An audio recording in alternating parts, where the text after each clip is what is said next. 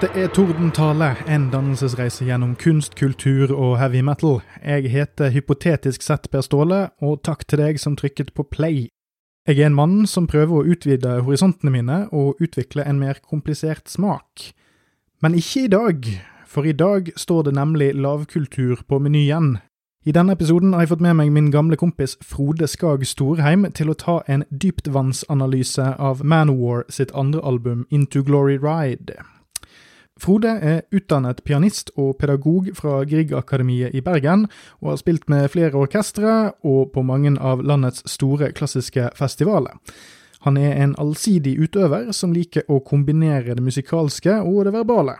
Han har master fra Grieg-akademiet og har tatt time med Leif Ove Ansnes, og spilt med flere symfoniorkestre og vært solist i Grieg-hallen flere ganger, og spilt konserter i sju til åtte europeiske land. Han var ikke helt sikker, han mistet oversikten på et tidspunkt.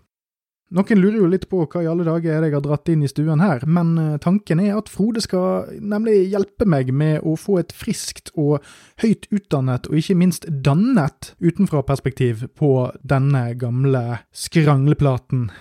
Som med forrige episode, så er det litt rusk i lydmaskineriet her og der, av at det er en internettsamtale, men det får dere som sagt bare faen meg finne dere i. Flere har spurt om hvorfor vi ikke spiller av klipp fra musikken vi snakker om, og den enkle grunnen til det er at vi ikke orker å bli flagget av en copyright-bot og så måtte krangle og klippe om episodene. Sjansen for det er nok liten, men vi gidder ikke å ta den. Musikken er som regel lett tilgjengelig gjennom ymse kanaler for de som har lyst til å lytte med oss. Til slutt, før vi begynner, uh, shout-out til Jostein Hakstad fra podkasten Red Crew, som har bistått med teknisk support, som gjorde innspillingen av både denne og forrige episode vesentlig mer knirkefri enn fryktet. Men eh, nok fra meg, nå setter vi over til meg sjøl og en til. Ja, men da eh, må jeg jo nesten bare si tusen takk for at eh, du lyst være, hadde lyst til å være gjest eh, på podkasten min, Frode. Det, vi har jo kjent hverandre en god stund. Vi møtte hverandre vel for første gang når jeg var notestativ på pianomastereksamen din. det har blitt noen år etter hvert. Nei, men jeg skal starte litt opp her med å Ja, fordi at Frode, kan ikke du bare fortelle bare sånn kjapt litt uh, hva du driver med til hverdags, og så kanskje litt grann hva forholdet ditt uh, er til Manowar? Jeg er utdannet pianist fra Griegakademiet i Bergen. da, jeg Har tatt mastergrad i det å spille piano, pluss at jeg har eh, praktisk pedagogisk utdanning. Så jeg jobber da som musikklinjelærer, og i tillegg da spiller masse konserter. Jeg er organist og ja, og gjør mye sånn eh, kulturrelatert da. Også holder forskjellige typer eh, foredrag og kåserier. Eh, det er kortversjonen, da. Og Manowar, det hadde nok jeg sannsynligvis ikke visst om hvis det ikke hadde vært for skal vi si, makeren av denne podkasten. Fordi Da vi ble kjent da vi gikk på videregående, så, så er det klart at begrepet Manowar innført i en skolehverdag gjennom T-skjorter og gjennom en allestedsnærværenhet i samtaler om altså, dette fenomenet Manowar. Det, det, altså, som en enormt stor plass i din tilværelse gjorde jo at jeg ble eh, skal vi si, påvirket og innført i det. Og det er klart, eh, jeg kan jo til og med slå i bordet med at jeg har vært live. Ja, det, det, det har du jo. Kan du gi en sånn eh, ja. kort anmeldelse av den konsertopplevelsen for lytteren? Ja, altså det er klart også for en som da ikke har vært på Jeg hadde ikke vært på verken en tungrock- eller metal-konsert eller noe som helst før. Sant? Skikkelig førstereis og hadde kjøpt meg eh, sånne her eh, formstøpte øreplugger med 25 desibels filter for å være helt sikker på at jeg ikke mistet hørselen etter å ha gått på denne konserten. Så var det jo både en artig sosialantropologisk studie, eh, fordi det er ikke det. det sånn, der kommer det var bare meg utenfra. og altså, Jeg tror det var veldig, veldig mye forskjellige folk der. Men det er klart, skjønte jo hvem som var blodfansen. sant, med Enten dongeri eller mørk bekledning og eh, T-skjorter eller eh, sånn hettegensere med Manowar og sånn. Og, etter hvert som liksom, konserten dro seg mot starten, og du ser hvem som liksom stimler sammen foran deg, så tenker jeg, ok, der har vi menigheten, liksom. uh, så jeg ble jo stående egentlig bak med miksebordet og fikk med meg dette. Og jeg syns jo at jeg synes det er fascinerende stilig at noen tør å leve ut en sånn så Livsstil? Ja, en sånn livsstil. Men også, også, jeg tror jeg sa det vel også til dere etterpå, at, at liksom eh, det å bare helt skamløst bruke så mye deilige klisjeer i den ene låten etter den. Og, og, jeg sto der og jeg tenkte liksom sånn Oh no, you didn't, did you? En, enda en gang, liksom. Bare, du kjører på, du. Sant? Med liksom det der. Og, eh, og så er det klart, altså Så kan man jo alltid diskutere liksom Han, han der eh, Joey DeMaio, han som hadde sånn tale. Ja, liksom, bassisten. Det er hans band. Ja da, liksom med, med, å ha en tale og liksom peke på noe, du skal gå hjem og spre beina og sånn, og det skal du gjøre for uh, mannen din og, og, alle andre menn, liksom, eller sånn. Mm. Og det er klart, i en, i en, likestilt, moderne verden, så det er klart det er ikke, man bør jo ikke sende altfor mange hissige feminister inn på en sånn konsert. De vil nok gå skuffet hjem igjen før det er ferdig. Men, men jeg, jeg syns jo det var jeg, jeg synes det var sti, de, altså de, de, er jo gode. De spiller jo bra. sant? Men, men når det er sagt, jeg er jo glad at jeg hadde kjørt sånn hissig støyreduksjonsfilter. da, For det, det, gjorde at jeg kunne jo rett og slett nyte konserten og stå der og, og slappe av, liksom. Og, ja, jeg syns det, det, var skikkelig kult. Det var, og det tror jeg sa til deg òg. Og det, det, var jo litt også dette jeg insisterte på å være med på det da, For dette, dette har jeg bare hørt om, og jeg har hørt så sinnssykt mye om det. Så, men man må, jo, man må, jo, oppleve det sjøl, og jeg syns det var kjempekult. Det er jo litt det der jeg er ute etter nå i denne episoden her, eh, er jo for det første dette utenfra-perspektivet. fordi jeg startet jo denne podkasten med det første albumet til Manowar, og så har jeg jo et sånt litt langsiktig prosjekt med å kanskje herje meg gjennom eh, hele diskografien og noen eh, live-utgivelser og det som verre er. Men i forrige episode så eh, hadde jo jeg en, en dannelsesepisode der jeg prøvde å gjøre meg kjent med et rockealbum som jeg aldri har hørt om og jeg kan ingenting om og sånt. Så jeg tenkte liksom jeg skulle shake det opp litt i denne episoden med å få et blikk på Manowar som på en måte du, du, er på en måte litt fortrolig med det, men du, det er jo ikke sånn at du har sittet deg ned og ni nilyttet på musikken og, og, og, liksom kan ting inn og ut. Og i hvert fall ikke dette albumet her, for dette her er, vil jeg faktisk nesten kalle deres mest eh, obskure. Fordi den ligger ikke på Spotify, og uh, merkelig nok, fordi uh, dette er da en av de platene som uh, bandet eier masterne til, og sånt, og liksom har kontroll over musikken. Noe som gjør at du kan aldri Du kan ikke streame det. Du kan kjøpe det på iTunes og sånt, men du kan ikke streame det på streamingtjenester.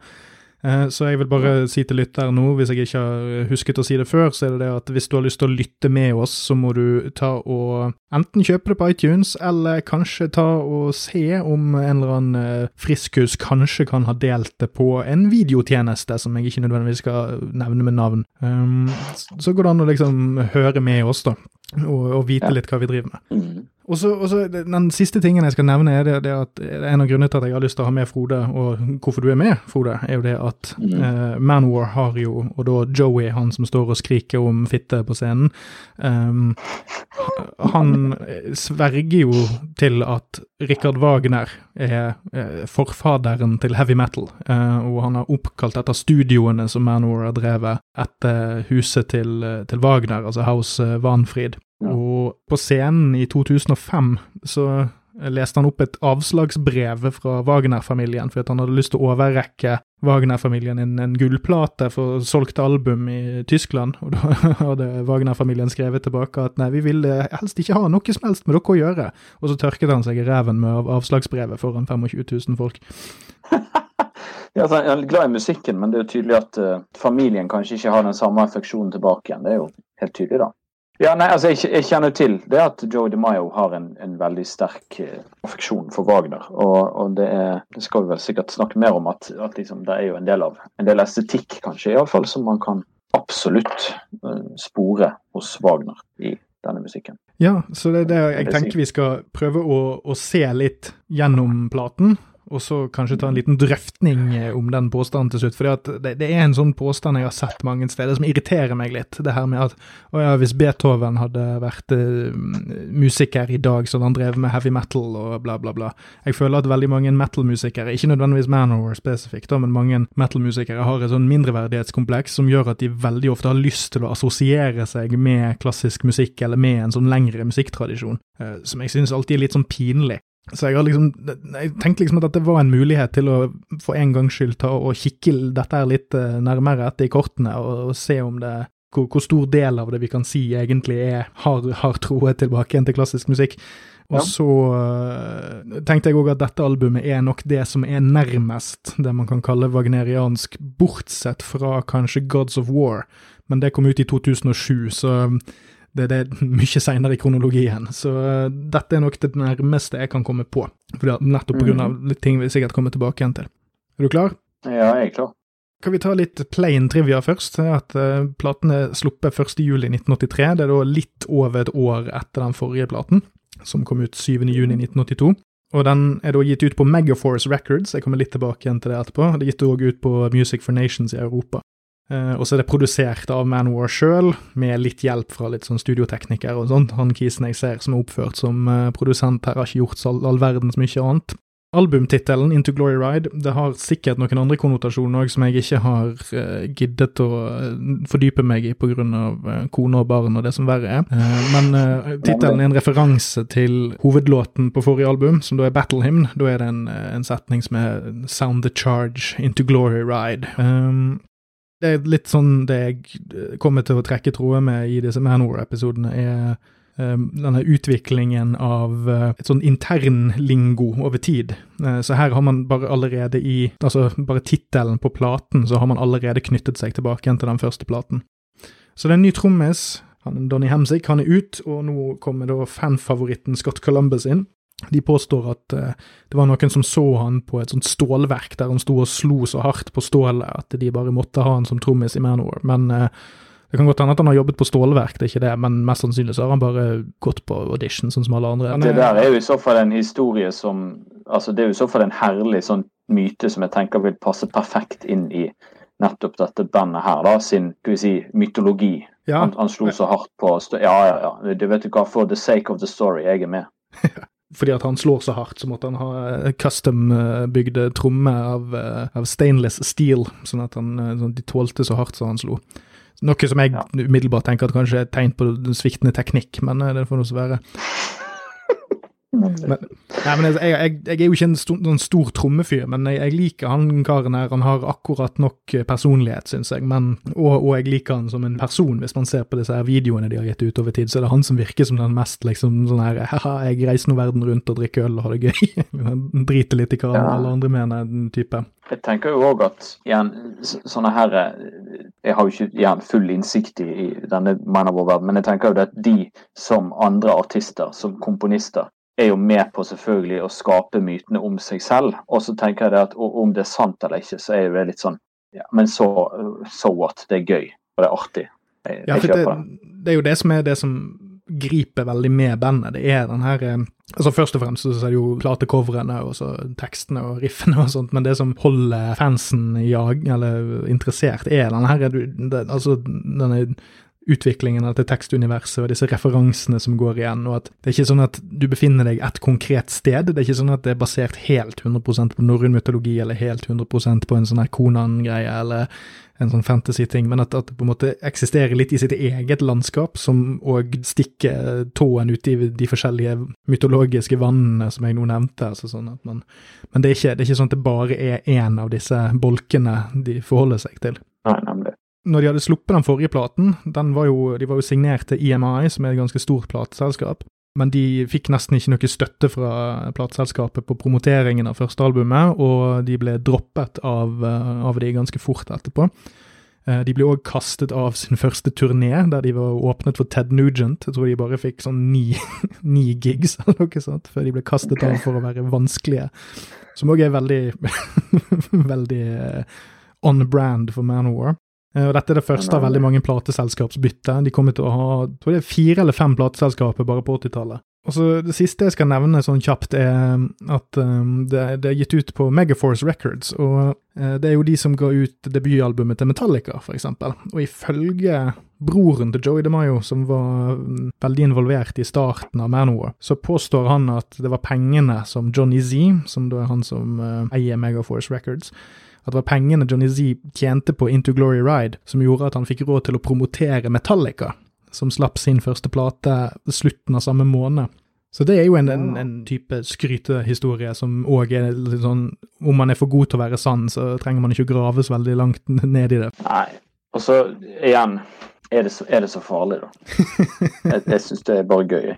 Og så tenkte jeg, jeg skal få noen kommentarer av deg på, på, på litt sånn eh, estetikk og sånn før vi kicker helt i gang, men jeg kan òg si da at det som er tilfellet her, er at alle de første platene til Manor er spilt inn dritfort. Så det har ikke blitt alltid satt av like mye tid og penger på miksing og mastring og sånn. Eh, så dette er òg et album jeg eier tre versjoner av. Det ene er en, eh, en LP, som er original-LP-en, som høres ut sånn som den skal høres ut. Så har jeg en Mhm. første CD-utgivelsen, tror jeg. Nei, ikke andre, andre eller tredje CD-utgivelse, så jeg tror høres ganske like ut. Og så har jeg en remastret og remikset utgave fra 2019.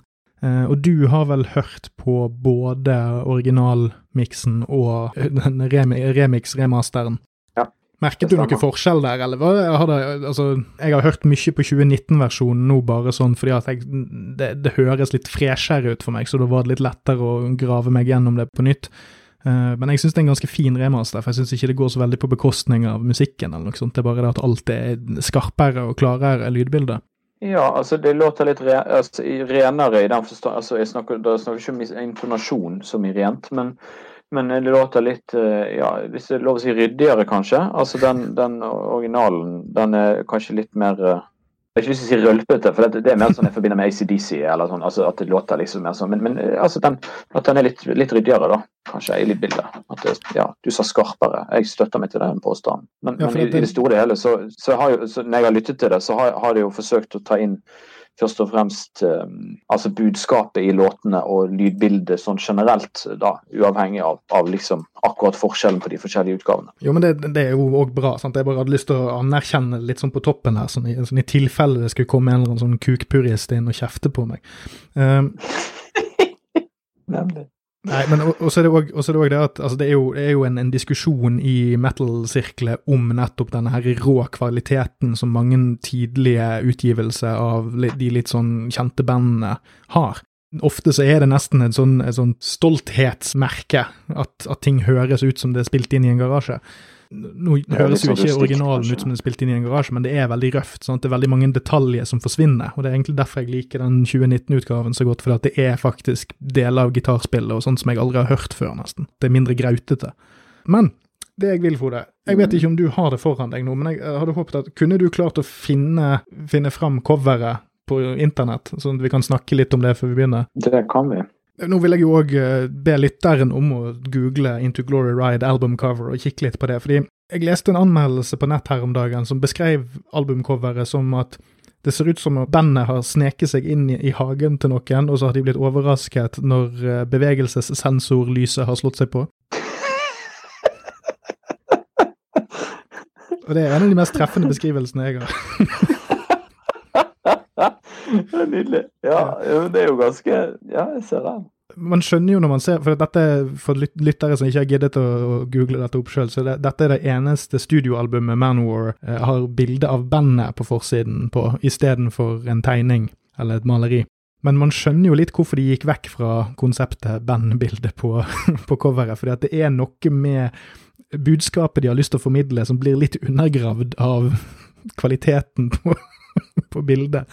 Ja, absolutt. Det som jeg umiddelbart eh, tenkte, var jo litt, litt det der at eh, Men det, det er selvfølgelig litt også fordi at jeg har, har jo sett disse senere, mange av disse senere albumene. Så jeg har jo lånt av deg og i det hele tatt sånn, sant? hvor det er tegninger eller maleri av sånne her eh, skikkelig sånn muskuløse eh, Ja, om man kaller det guder eller krigsguder eller hva det er liksom, og alle, alle, alle menn er mer muskuløse enn disse her menn Manowar-typene. Men det er klart, selve imaget de vil ut med i sin musikk, står kanskje ikke helt til bandbildet, da.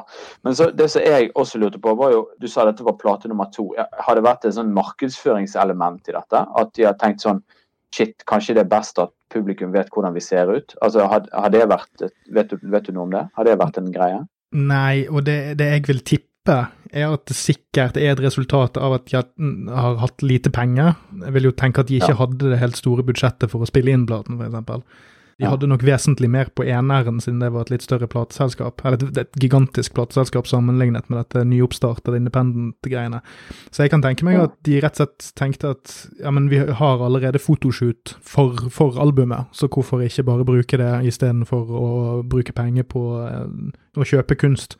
Kanskje de ikke hadde råd til det, rett og slett. Eh, Ja, det kan godt For alt jeg vet, født på reissuen som eh, vi har hørt på, der, har de, mm, der bruker de denne muskelkrigeren som eh, du kjenner, som er Faceless Warrior, heter det. Eller The Man Warrior, eller hva du vil kalle det. Eh, Mm. Det, det, men det er jo et maleri som eh, opprinnelig ble malt for uh, Gods of War. Det er vel for uh, King of Kings-singelen, tror jeg. Men det var et maleri som de liksom har kjøpt, ja, og det, det passer bedre. Hvis du, hvis du hadde slått det opp, så ser du at det, det passer litt mer inn i diskografien. Men Ja, men jeg har bare lyst til å kjapt gå igjennom det man ser. fordi Hvis man starter helt på venstre side, så er det jo Joey DeMaio. Han, han, han ser jo ut som han har Han vet hva han gjør på dette coveret. Altså, han, han, han har på en måte selvtilliten, og det, jo, det skjønner jeg jo, fordi det er jo hans idé. Selv om lekesverdet og kostymet ikke akkurat hjelper han på vei. Så Bredbeint eh, positur og sverd i neven. Altså, Jeg vil jo absolutt si at han kanskje er den som klarer seg best i det bildet her. definitivt. Det blir liksom bare verre og verre jo lenger mot høyre du går. Ja. Ved, ved siden av han så har du jo Scott Columbus, det er jo trommisen. sant? Og han, han er jo ny i bandet, og sånn, så han går jo bare med på hva enn som ble foreslått. Men han ser ut som han er relativt avslappet, i hvert fall. Eller liksom går- hardt inn for å ikke gjøre for mye ut av seg. Holder en lav profil, ganske bokstavelig talt. ja, Sitter på huk og lener seg på sverdet.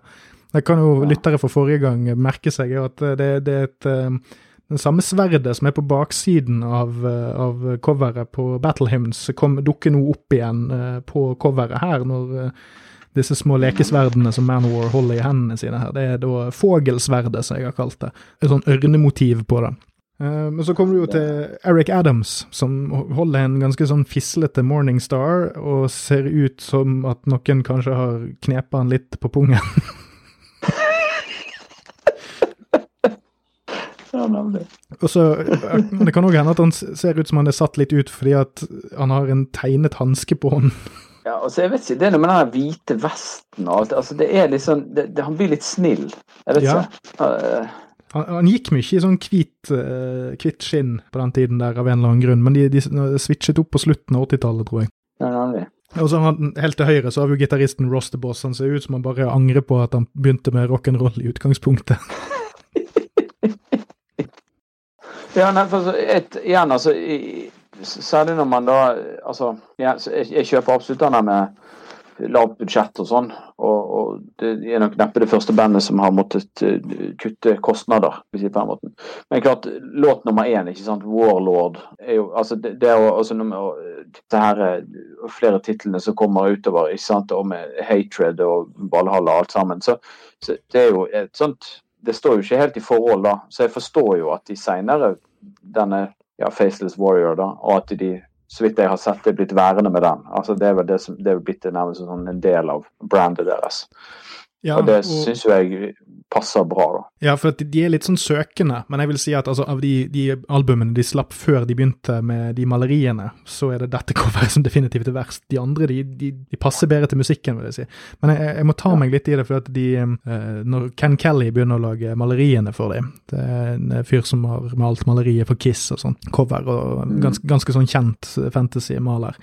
Eh, men det, er faktisk ikke siste gangen bandet er på forsiden. for Det første albumet han maler, som er det femte, som er Fighting the World, så er det bandet på coveret, men da er de sånn tegneserietøffe. så da, da får du en sånn Ja. miks mellom det de prøver på på dette coveret, og det de da ender opp med, med når de begynner å få inn den der krigeren, eh, Konan-barbaren, som eh, på coveret. Ja, for det er litt sånn Konan-estetikk i dette her. Er Ikke det? Altså, Definitivt. det, ja. Definitivt. Og det er ikke uten grunn at Jeg kommer litt tilbake til det på musikken, men jeg, jeg får en viss følelse av at, at Joey skylder vel så mye til en fyr som heter Basil Polidorus, som til eh, Richard Wagner på dette albumet. Men jeg kommer litt tilbake til det etterpå. Det siste jeg har lyst til å gjøre før vi går til selve musikken, det er det at på baksiden av platen det som troner øverst, i hvert fall hvis du har vinylversjonen, det er at eh, man får jo en, et visst inntrykk av at kanskje Joey har et og annet å si til eh, både plateindustrien og verden generelt. Fordi at det, ikke, det som troner øverst, det er ikke hva låtene heter og sånn, men det er en sånn, sånn tekst som jeg har lyst til å lese høyt. In the year 1982, the gods sought to test our steel. Struck down by deceivers whilst our backs were turned, we were left for dead. But in the wake of confusion, the fallen and the faithful did band together to heal even stronger than before. This was seen by the gods, for the prophecy of the sacred king shall be fulfilled. We have risen up anew to drink the wine of vindication. We fight to the death, to the last man, to the last breath, death to false metal, into glory ride. Men det er jo en sånn kvasireligiøs undertone i dette. Ja, sier du det? Syns jeg definitivt. Det, nå er jeg kanskje også farget av denne Jeg kommer sikkert tilbake til den noen ganger, men den konserten som jeg var med deg på, da. Hvor, eh, det, hvor det, det, er sikkert en sånn greie som de har på alle konsertene sine. med Nei, for det, Åpningen mener jeg husker det var da, på denne konserten. Mm. Så hvor han sa det at uh, he created metal and he saw that metal was good. Det var et eller annet sånt. The Gods Made Heavy Metal heter sangen, og da sier de 'And they saw ja. that it was good'. Ja, det, det, er en linje fra låten. Ja, nemlig. sant. Ja, Men uansett, en veldig sånn eh, Det, kan, det er kanskje noen sånne krigsguder de tilber her. Ja, men det er definitivt en bibelsk referanse, selv om det er gods i flertall. Det kan jeg eh, Ja, at det er kvasireligiøst, er jeg helt med på. Og det er faktisk noe, hvis du har lyst til å dukke opp igjen på et par gjesteopptredener seinere i denne serien her, så skulle jeg gjerne fått noen kommentarer på Det er noe med appropriasjon av kristen kultur og, og musikk som dukker litt opp og blir brukt til noe annet. Å kommunisere noe religiøst uten å være kristent, eh, som Manwar gjør litt. Uh, men ja. det, det, er en diskusjon for en annen dag. Men jeg er helt med på notene her, og vi, vi duk, det dukker vel opp litt på slutten her, faktisk. Men da er vi klare, da. Vi går for uh, låt nummer én, 'Warlord'. Uh, har du ja. ja. noen tanker først, og så tar vi det derifra? Ja, altså, For det første så er det jo da altså, Da du sendte meg dette her, og jeg skulle høre gjennom det første gang, så jeg må jo innrømme um, glad at jeg hadde det på headset. Siden det første vi gjør, er å gå rett inn i noen som åpenbart har en uh, hyrdestund. Åpenbart. Og, og, helt åpenbart. Og så står det noe klassisk musikk på i bakgrunnen, uh, og som du da opplyste meg om. Og som jeg da, når, jeg, når du da sa det, så hørte jeg det jo selvfølgelig. At det var Valkyriens ritt fra Valkyrien da, av, av uh, Rikard Wagner, med en av operaene fra Ringen. Så der er jo, allerede der introduseres jo denne, denne linken til, til Wagner. da. Det er jo interessant å ha ja, Jeg vet ikke om det er greit å bruke sånne uttrykk på den podkasten her, men, men sånn, sånn pulemusikk er jo liksom Jeg vet ikke, det er jo jeg vet ikke om det er noe jeg ville ha satt på, men det er noen annen sak.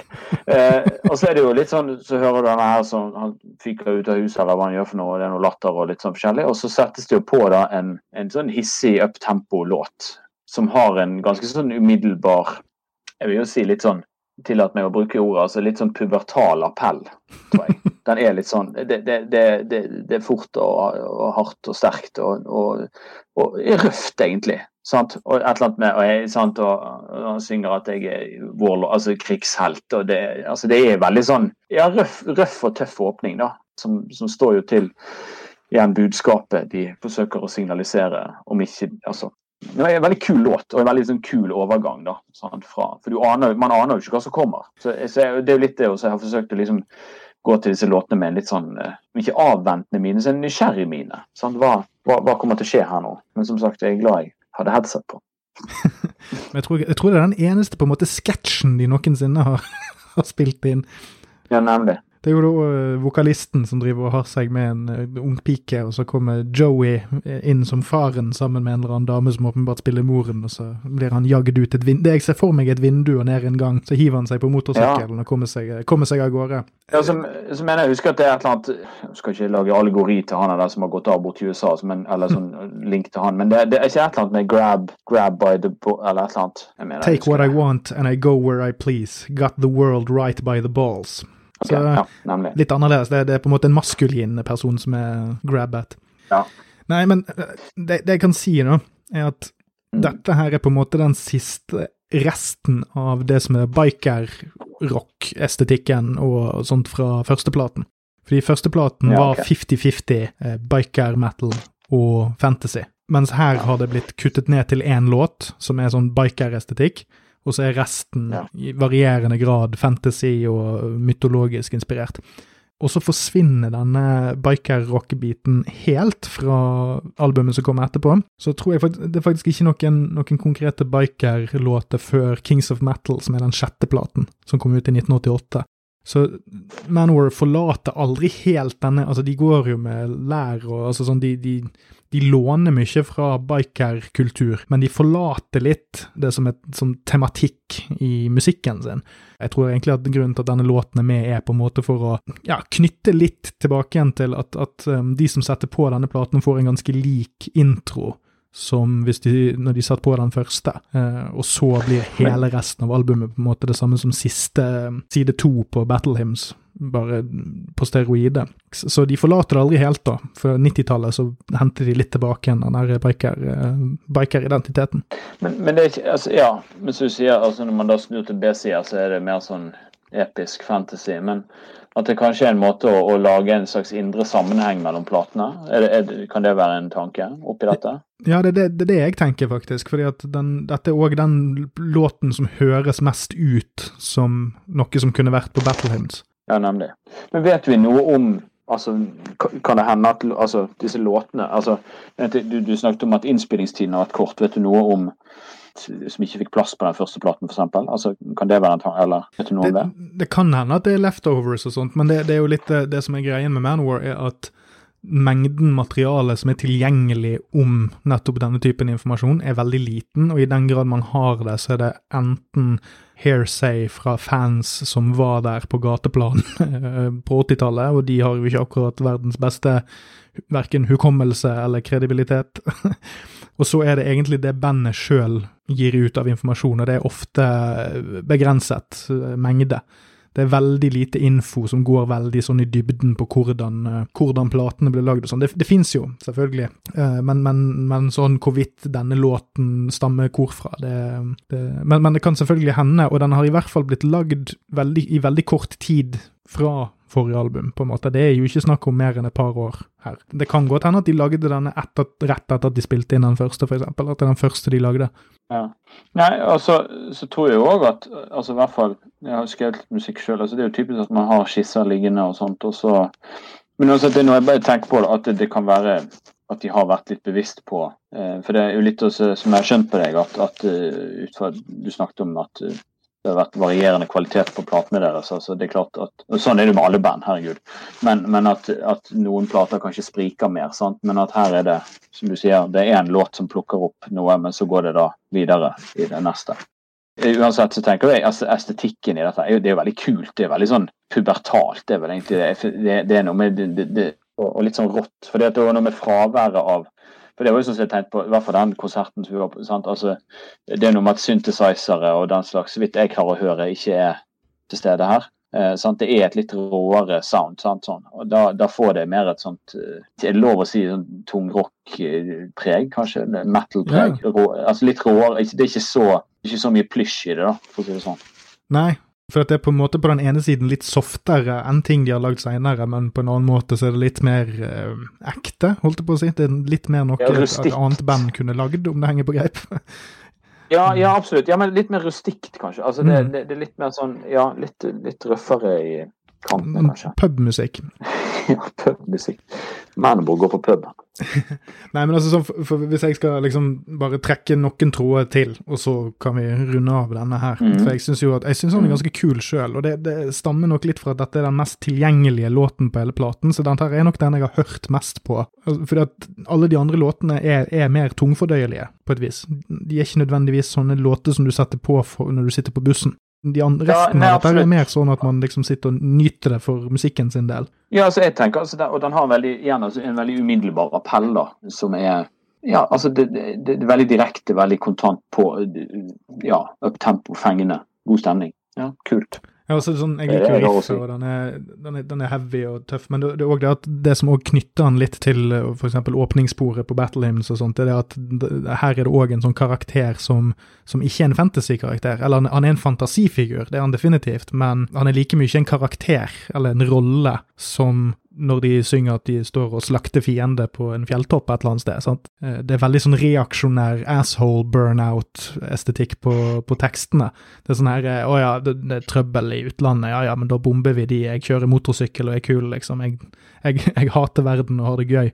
Som man ikke skal tolke som en sånn bokstavelig 'dette er kjempebra å være sånn' type ting, men det er fremdeles òg en, en glorifisering av noe som er litt negativt, fordi at det er i hvert fall dette er en person som ikke lar seg styre av andre. Sant? Dette er en person som er seg sjøl 100 Det er litt sånn antihelt, ikke det? da? Jo, det, det er jo det. Det er sånn her ha-ha, jeg, jeg, jeg røyker og drikker og kjører motorsykkel.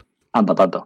Og så er det jo, er det jo som vanlig dritbra vokal, da. Altså, det er jo det der å, å klare å Det er jo det som er trikset, og som jeg har gjentok sikkert til det kjedsommelige i forrige episode jeg hadde om dette, men det er liksom Det er sjelden man henger seg for mye opp i uh, hvor dustete tekstene er med dette bandet, og det er fordi at han er så jævlig god til å synge. At han klarer Mm. liksom å være inne i sangen han synger, og, og på en måte gi det en litt sånn sjarm. Ja, og så er jo virkelig inn på eh, ditt eh, domene, og noe, noe av det Jeg tror jo Manowar er noe av det du Jeg vil jo tippe det er ditt favorittband, basert på det jeg vet om deg. Og sånn, og det er klart du skal, skal passe meg for liksom å ironisere over ting, men jeg tror jo at en del av jeg skal ikke si at man ikke skal ta manover ser, seriøst, eller sånn, men, men jeg tror jo at man må, man må jo forsøke å se også eh, humoren i ting. Er du, er ikke du enig i det? Altså At det er en sånn at ikke dette, En del av det de synger om og sier, at det kanskje ikke nødvendigvis er representativt for hvordan disse menneskene er utenfor scenen når de kjører showet sitt. Altså de, det er jo en sånn altså Maskulinitet på steorider og viking og krig og alt sammen. Sant? Det er jo veldig en greie Altså, det- som jeg tenker Men, men jeg jeg er helt enig. altså Det er ikke, det er ikke sånn at jeg altså Jeg mener, når vi kom, omsider får kommet oss videre til de neste låtene, så vil jeg jo si at graden av humor forsvinner nok til en viss grad, men jeg tror man alltid skal tenke at dette her er først og fremst en feiring av altså livsglede og det å være vrang.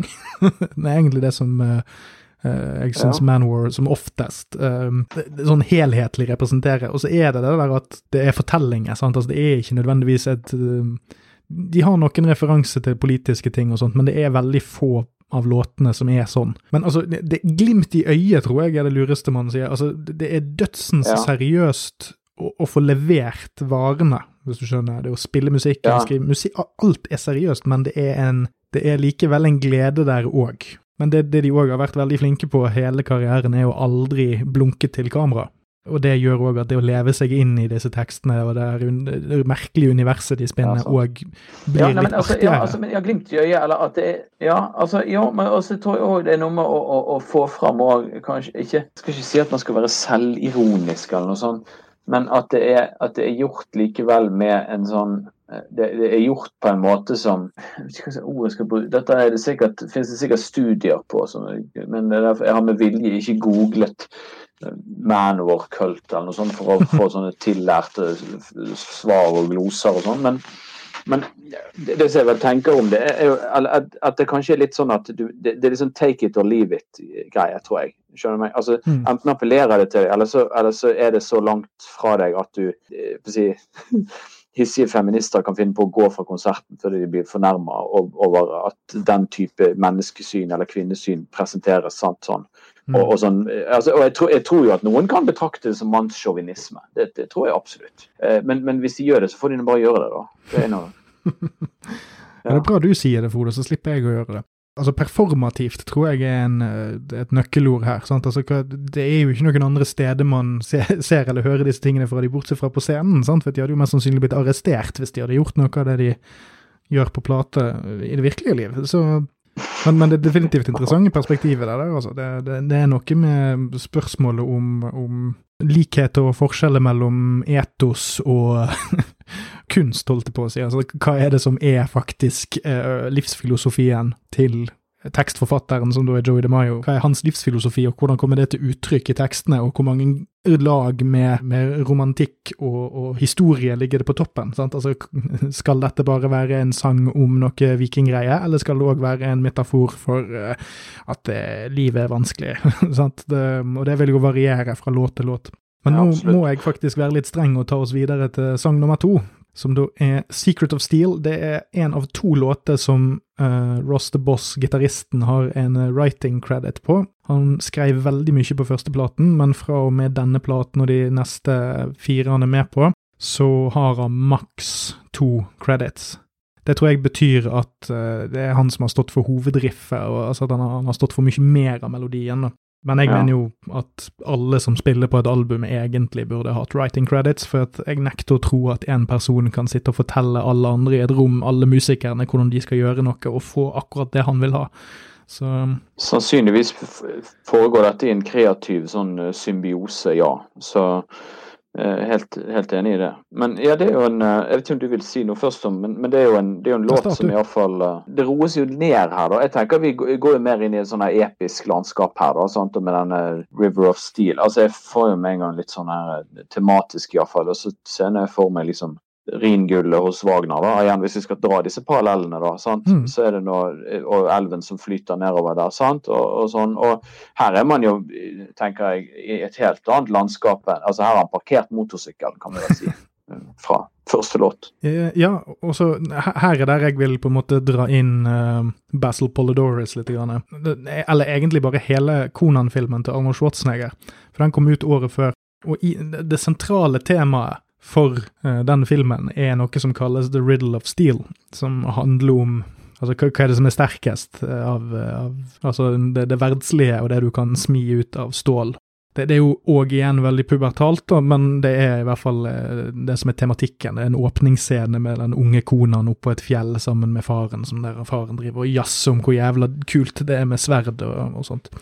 Så det er jo veldig naturlig å tenke seg at denne her, det er jo altså riddle, og så endrer du det til secret, og så satser du på at ingen legger merke til det. Så det er, jo, det er, jo, ikke så veldig sånn tydelig hva som skulle vært denne hemmeligheten, da, men det, denne tilknytningen til eh, Det er jo en eller annen sånn gudefigur som på en måte kommer ned fra oven og, og gir liksom noen sånne magiske gjenstander til eh, enten en person eller til menneskeheten. Man kan jo tenke seg til litt sånne religiøse eh, fortellinger om liksom sånn Når gudene gir noe til menneskeheten. Det kan man jo si i Bibelen òg, for den saks skyld. men at hva, det, hva dette septeret av jern og dette skjoldet av gull og sånt skal, skal, representere, er nå for så vidt uh, opp til enhver å skulle avgjøre. Men, men det, det ikke, eller jeg skal ikke si bergpreken, men, men altså, det, ja, det er kanskje ikke noen bibelsk allegori i dette. her, Men her er vi jo uansett inn på dette med konge og skaper og, og, mm. og eh, altså, Jeg tenker iallfall at ja, jeg syns de klarer å skape et ganske bredt anlagt ja, sånn fantasy altså, da, da, tenker jeg med en gang sånn tjukk syntstryk og sånn. Men, mm. de klarer jo å lage et veldig sånn bredt anlagt eh, sant, og, og ganske, en ganske tung låt. En seig, vil jeg jo si at den er, da, egentlig. Ja og som, som, står godt til, sant? og elven som gjerne slynger seg nedover sakte. Altså, det er liksom seighet i låten. Da. Ja, og så syns jeg òg at de er ganske gode på å altså Det er jo igjen dette med måten vokalen og, og gitarene smelter sammen her, og hvordan de kan bygge hverandre opp og ned, uh, alt dette som hva som trengs. Men uh, Ja, og så du snakker om vokal... Altså, men bare sånn altså, for å sjekke, altså, er det, er det samme vokalist som har vært i bandet hele tiden? Ja da, alltid alle, i alle ja. år. Ja, for, for, det som jeg altså Enten det er noe liksom pop eller tungrock eller, eller hva det nå altså, i hvert fall Hvis det er snakk om band hvor, hvor det trengs litt uh, stemmekraft for å gryle gjennom alt dette her, så er det jo veldig ofte, tenker jeg skal ikke si at, vokalist, at et band står og faller med om vokalisten er god eller ikke. For det, det er selvfølgelig ikke fullt så enkelt. Men, men, det er klart, hadde dette vært fremført av en puslete vokalist, så hadde jo, tør jeg påstå, veldig mye falt helt igjennom. Oh yes. Sånn? Altså, det hadde ikke, det hadde kjørt på. Eh, og det husker jeg det igjen. altså, at han, jeg, jeg tenkte på det at altså, han var jo veldig god live, syns jeg, da, da vi hadde han inn i byen. Altså, hvis de har holdt på siden begynnelsen av 80-tallet, så herregud, de har holdt på i 40 år. Ja, så når vi så han, så var det jo 35 år, 36, 37 år siden denne platen. Ja. Nå er han jo litt lavere i registeret, da, men han leverer fremdeles. Men her er han jo i en helt egen klasse. Jeg vil jo si at fra dette tidspunktet her og ti år fram, så er det veldig få metal-vokalister som kan touche han. Og, og det, det, er jo sant det du sier, at eh, det er jo grunnen til at jeg generelt sett ikke hører spesielt mye på sånn power metal og fantasy-inspirert metal, fordi at ofte så er de sangerne som, som synger i de bandene, de har en veldig de, de, synger rent og fint og lyst og sånt, men de har ikke den derre bunnlinjen som er så krevende å ha.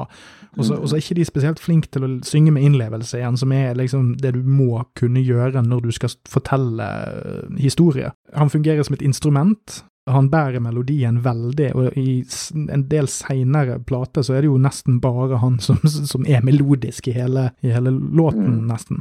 Uh, og så i tillegg så har han dette elementet med at han er veldig god til å kommunisere hva låten faktisk skal føles som. At det, at det ligger en, en følelse som alltid kommuniseres. Ja, nei, også, og jeg tror igjen altså, klart når du Jeg skal ikke sammenligne med, men, men altså, jeg opplever i alle fall ikke at igjen, altså, det, Her får man jo kulturkrasjet, da, men det er klart du, du, du, og en del av de andre vi gikk på videregående med, har jo opptatt meg til en viss grad. Så jeg har jo vært innom noen Iron Maiden-plater og litt Metallica nei, så Jeg opplever jo at uh, altså, det, det, som også er med Manowar, er jo det at kontra en del andre band, da, så kan de gi ut plater med masse kule låter og sånn, men, men, men, for Manowar det, det, er jo, det er jo en, en, egen hvis jeg får lov å si kult. altså, Det er jo virkelig en egen en livsstil, sa du. Så, altså, sant? og det er jo også jeg tenker at for dette, Du kan ha, du kan ha gysla gode vokalister som, som, som, er jækla gode til å synge og alt dette her. men men, og som kan synge låter bra på en, på en god måte. Men, men, her tror jeg at du, jeg tror du må sånn som vokalisten vokalisten som skal fremføre teksten. Altså, du må jo, jeg tror at Det er helt nødvendig for at, for at konseptet skal bære. Så må han mm. jo kunne gå inn i altså virkelig kunne gå inn i låtene. og være, Om han er skuespiller eller om han kan noe, det vet jeg, men, men det, må, det, må, være veldig troverdig. Sant? Og så er, altså absolutt her, det er en, meget god vokalist, syns jeg, som har og som du sier, som har dybden med seg i høyden. Det der er sjelden, sjelden bare. Ja, jeg, det, jeg, hører den altså det, det, det, jeg som regel går etter, er den der typen uh, personlighet i vokalen. Det er en del andre band jeg liker veldig godt som har det. det Wasp, for eksempel, har veldig mye personlighet i vokalen. Nei, og så mm. liker jeg òg veldig godt bassen her. Brukes det veldig her er jo, Bassen er jo òg et melodisk instrument i Manor, for de er jo bare to. Det er jo bare én gitarist og én bassist. Mm.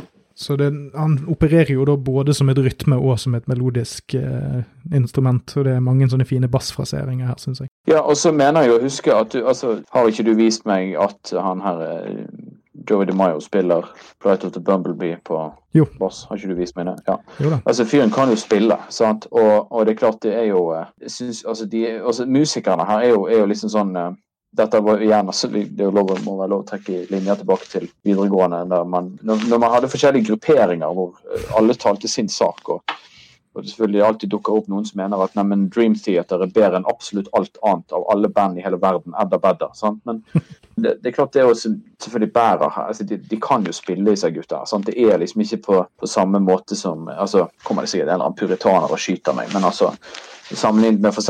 ACDC, sant, som er hmm. helt som er mye mer sånn rølpete. Sant? Og det er jo en del av imaget deres, eller var, kanskje. Men, men altså, de kan jo spille, sant? og det, det, hjelper jo veldig. For Nå har vi jo fått startet litt på dette med det religiøse landskapet. Sant? Nå har det, det begynt å bli introdusert som en litt sånn Nå, nå begynner ting å bli litt sånn svevende og esoterisk. Så da må vi jo skifte tam, ja. tempo litt. da. Nå kommer vi jo inn på uh, Gloves of Metal, som er den andre Ross the Boss-skrevne låten på platen? Ja, den, den slår altså den, den, slår jo litt mer enn mm. Altså tempoet går litt mer opp, og den, den har jo litt sånn der eh, ja, punch, da. Den er, mm. litt, det er, den, er litt, den er litt tyngre, vil jeg påstå. Sin, så, men her også er det seige. Mm. Som er litt sånn ku, Og, og, og, og, litt sånn suggererende riff. Sant? Så man, jeg merker det sjøl når jeg sitter og snakker om det. så man begynner liksom med sånn lett headbanging her. Men, eh, men, men meget ja, altså, avbalansert headbanging, for å si. Duvende, kanskje? Uh, ja, ja, ja.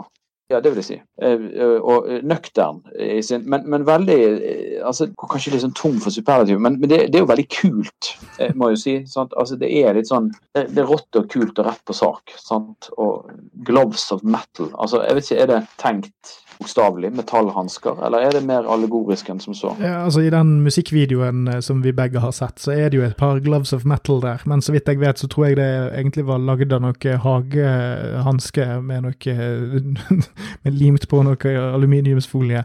Uh, så hvor bokstavelig det er, vet jeg ikke helt. Men jeg, jeg, tror det mest er en slags, sånn, uh, en slags referanse til sånn, uh, sånn ridderhanske og til disse her typen klær som en del av fansen kunne finne på å kle seg i på denne tiden. Fordi at denne her syns jeg er en litt sånn kul blanding av de to forrige låtene. Fordi ja. den er mer en metal-låt à la Warlord, eh, men den på en måte har smeltet inn litt i den der eh, Secret of Steel-duvingen, holdt jeg på å si, eller der, der, vi tar oss litt tid, og det er litt sånn gyngende, eller svevende, litt seigere, er vel det ordet jeg prøver å lete frem til. Men, men, dette er jo da en av de sangene som Manowar har, som er en egen sjanger, supersjanger de har, og det er det at det høres ut som de synger om fantasy-ting, men så handler det egentlig om Manowar som eksempel sangen Battle Hymn på Battle Hymns-platen.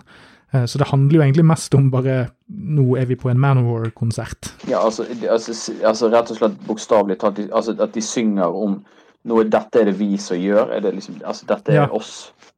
Ja, for det, det er en linje her, eksempel. Dette er, det- dette er det første gangen eh, sånn, sånn igjen, når man kommer til dette med dette tekstuniverset som de sakte, men sikkert bygger seg opp, så er det jo, er det jo linjen eh, The sound of metal so loud it cracks the beams. Det kommer jo til å være veldig mange referanser til at de spiller så høyt at ymse ting og gjenstander knuser. Eller blir ødelagt. Mm. Og så står det 'Played by warriors called the Metal Kings'. Det er jo da første gang de refererer til seg sjøl som Metal Kings, eller Kings of Metal, som da kommer til å være en ganske god plate de lager senere. For, av nysgjerrighet, er Metal Kings og Kings of Metal Dette er jo sikkert igjen, altså spør du fansen, så de Men er det Hvem er metalens konger? Nei, det er jo. Manowar, hvis du spør de, Ja. og hvis du spør fansen. Og dette er jo en sånn ting som de hevder at fansen har kalt de først, og så okay. har de begynt å bruke det sjøl. Det er et sånt uh, hedersbetegnelse fra fansen, som kan være sant, og som ikke kan være sant. Ja, og så kanskje litt sånn hva kom først, høna og egget? Jeg vet ikke. Men, men det er jo absolutt altså, Igjen innenfor guder og konger og mm. skaper og, og i det hele tatt krig, så er det jo en Uansett en tittel, så tenker jeg om, om noen har forært de den, eller om det er blitt Finn fram mentometerknappene stem nå, så tenker jeg uansett at Det var faktisk Dan Børge Akerø og eh, Tande P som avgjorde dette her i 1991. Men altså, Gloves of Metal altså, Så tenker jeg jo også her, her er jo liksom Altså dette krigeridealet Er det Bare sånn for å spørre om det. Altså er det De er kanskje ikke kommet dit ennå. Altså, er det noe de senere Altså, altså denne Faceless Warrior, altså har han er de, Ser de seg sjøl som han? Eller er, det, eller er han et bilde på de Jeg vet ikke. Han er et bilde på Ja. selve bandet, tenker jeg. Um, Ja. at, at det han er, er på en måte musikken og alt Manwar representerer, er i den figuren. Han er jo på en måte en maskot, sant, men det, det er liksom sånn Hvis du ser for deg hvilken som helst av disse låtene der du har en eller annen krigerfigur, så kan du veldig glatt plassere han uten ansikt der, som den figuren. Og det er jo et godt Altså, det, det er jo basically bare Konan, men uten et ansikt, at du aldri får se ansiktet hans. Som er ganske glupt, for da får du litt den her greien med at han kan være hvem som helst, eller han kan representere hvem som helst sitt indre liv, holdt jeg på å si. At innerst inne så har alle en sånn uh, kriger som har blitt uh, lenket fast uh, og prøvd å bli drept med sverd og pile, men så har han jammen meg klart, klart å røske seg løs og ta hevn.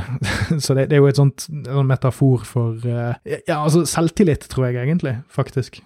Hvis du liksom skal, skal koke det helt ned til sine primære bestanddeler. Altså sånn, en sånn inkarnasjon av sånn manndom, kanskje, og, og, og, og dyd. Er det kanskje noe som man er inn- inn på her? Jeg vet ikke. Det- Ja, for det er spesielt hvis du, hvis du kommer til dette, hvis du da ser på disse Faceless Warrior-coverene senere, så har han alltid noen sånne lenker som er Eller det er ofte noen sånne kjettinger og sånt som liksom henger igjen, så det ser ut som han har rivd seg løs fra, som en slags sånn Samson. Så det, det er ofte sant, som da blir et sånt symbol på å ja, de prøver å hindre oss i å lage god heavy metal, enten det er plateselskapet eller haters eller wimps and posers. Sant? Altså det er alle som ikke støtter dette prosjektet, de er fienden på et eller annet metaforisk plan. Ja, ok, En sånn løsrivelsesprosess, egentlig, i dette, da. Ja, det tror jeg du kan si. Ja. Nei, altså, jeg, jeg, altså, også igjen, da, å Hear the pounding army of altså, Og igjen passer bra til Altså, det her er jo jeg, jeg tenker jo her at musikk og tekst underbygger hverandre ganske bra. Og så igjen som et apropos til bak i innledningen når man snakker om at Du nevnte dette med at uh, kanskje en del uh, Enten det er liksom metal, altså ja, om du kaller de låtskrivere, eller som en del metal-band har liksom følt seg sånn underlegne. da, sant? Altså, jeg var absolutt inne på en sånn, det som vi i, i klassisk musikk ville kalle for gjennomkomponering. da, sant? Det at tekst og musikk følges veldig ad da, med, med Mm. effektene. Som, som underbygger det ganske bra, syns jeg. i den, hvert fall den åpningen der er veldig sånn, det passer veldig godt i hop. Tekst, vokal og musikk svikter hverandre veldig sjeldent i dette universet her, syns jeg. Ja, vi, vi må jo snakke om musikkvideoen veldig kjapt, for her, da kommer vi jo litt tilbake til dette krasjet mellom musikk og visuell estetikk. Ja. Kan ikke du bare kort beskrive inntrykket ditt av den jo- Ja, altså den den videoen er jo Altså, det, det må være altså, det, Min første tanke var jo noe sånn altså, fordi, eh, Eller den Altså, det ser jo ut som i hvert fall Det er på slutten der. Mm. Det er noe sånn, sånn, litt sånn slåssescener, og de blir eh, sant, og, og blir skutt med noe pil og bue og, og ramler ned i vannet der og sånt. sant, og jeg får jo, altså Ute i sanden der og rundt bål Jeg får jo litt sånn, må jeg bare innrømme, litt sånn steinaldervibber, egentlig. Eh, sånn her Men i hvert fall ja, og lettkledde mennesker, både menn og kvinner. Sant? og eh, Slåsskamp der. òg. og selvfølgelig, det, det, er litt sånn det er jo altså, det er sånn eh, low-tech, lavbudsjetts-greiene i det. sant? Som, altså, det, det, er noe sånn veldig sånn kult over det. sant? Men, men, men, her igjen så er det jo at, at krasjet med, som du sier, teksten og budskapet Jeg tør jo påstå da at videoen i forhold blir litt banal. da. Jeg har lyst til å si.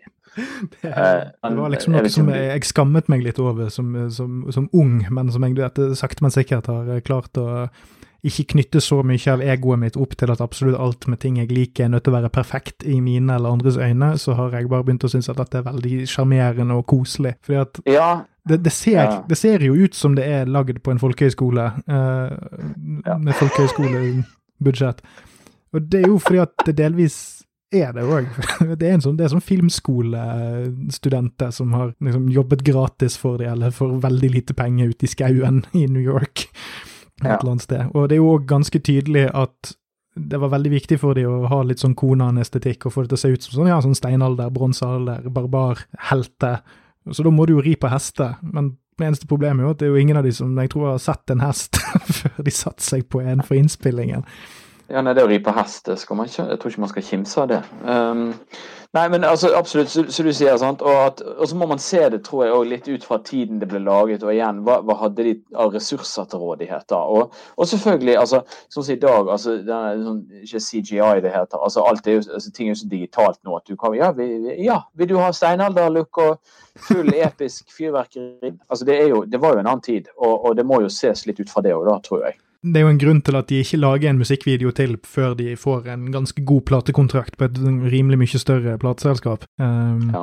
men, men, det er liksom eh, Det er gjort på Altså, om dette kostet eh, mer enn 50 kroner og en bugg tyggis, så blir jeg imponert, men uh, det er liksom Det er gjort på, på, på dugnad fra både bandet og fans og hva enn kompiser de hadde, så det er sånn ingenting her eh, altså Jeg tror den biten der det på en måte er konsertopptak, det er ikke engang spilt inn på en ordentlig konsertscene. Det er spilt inn på en parkeringsplass der de malte asfalten rød før de spilte inn, og så bare inviterte de hva enn liksom rock og metal-folk som hadde lyst på en gratis konsert til å stå og se på.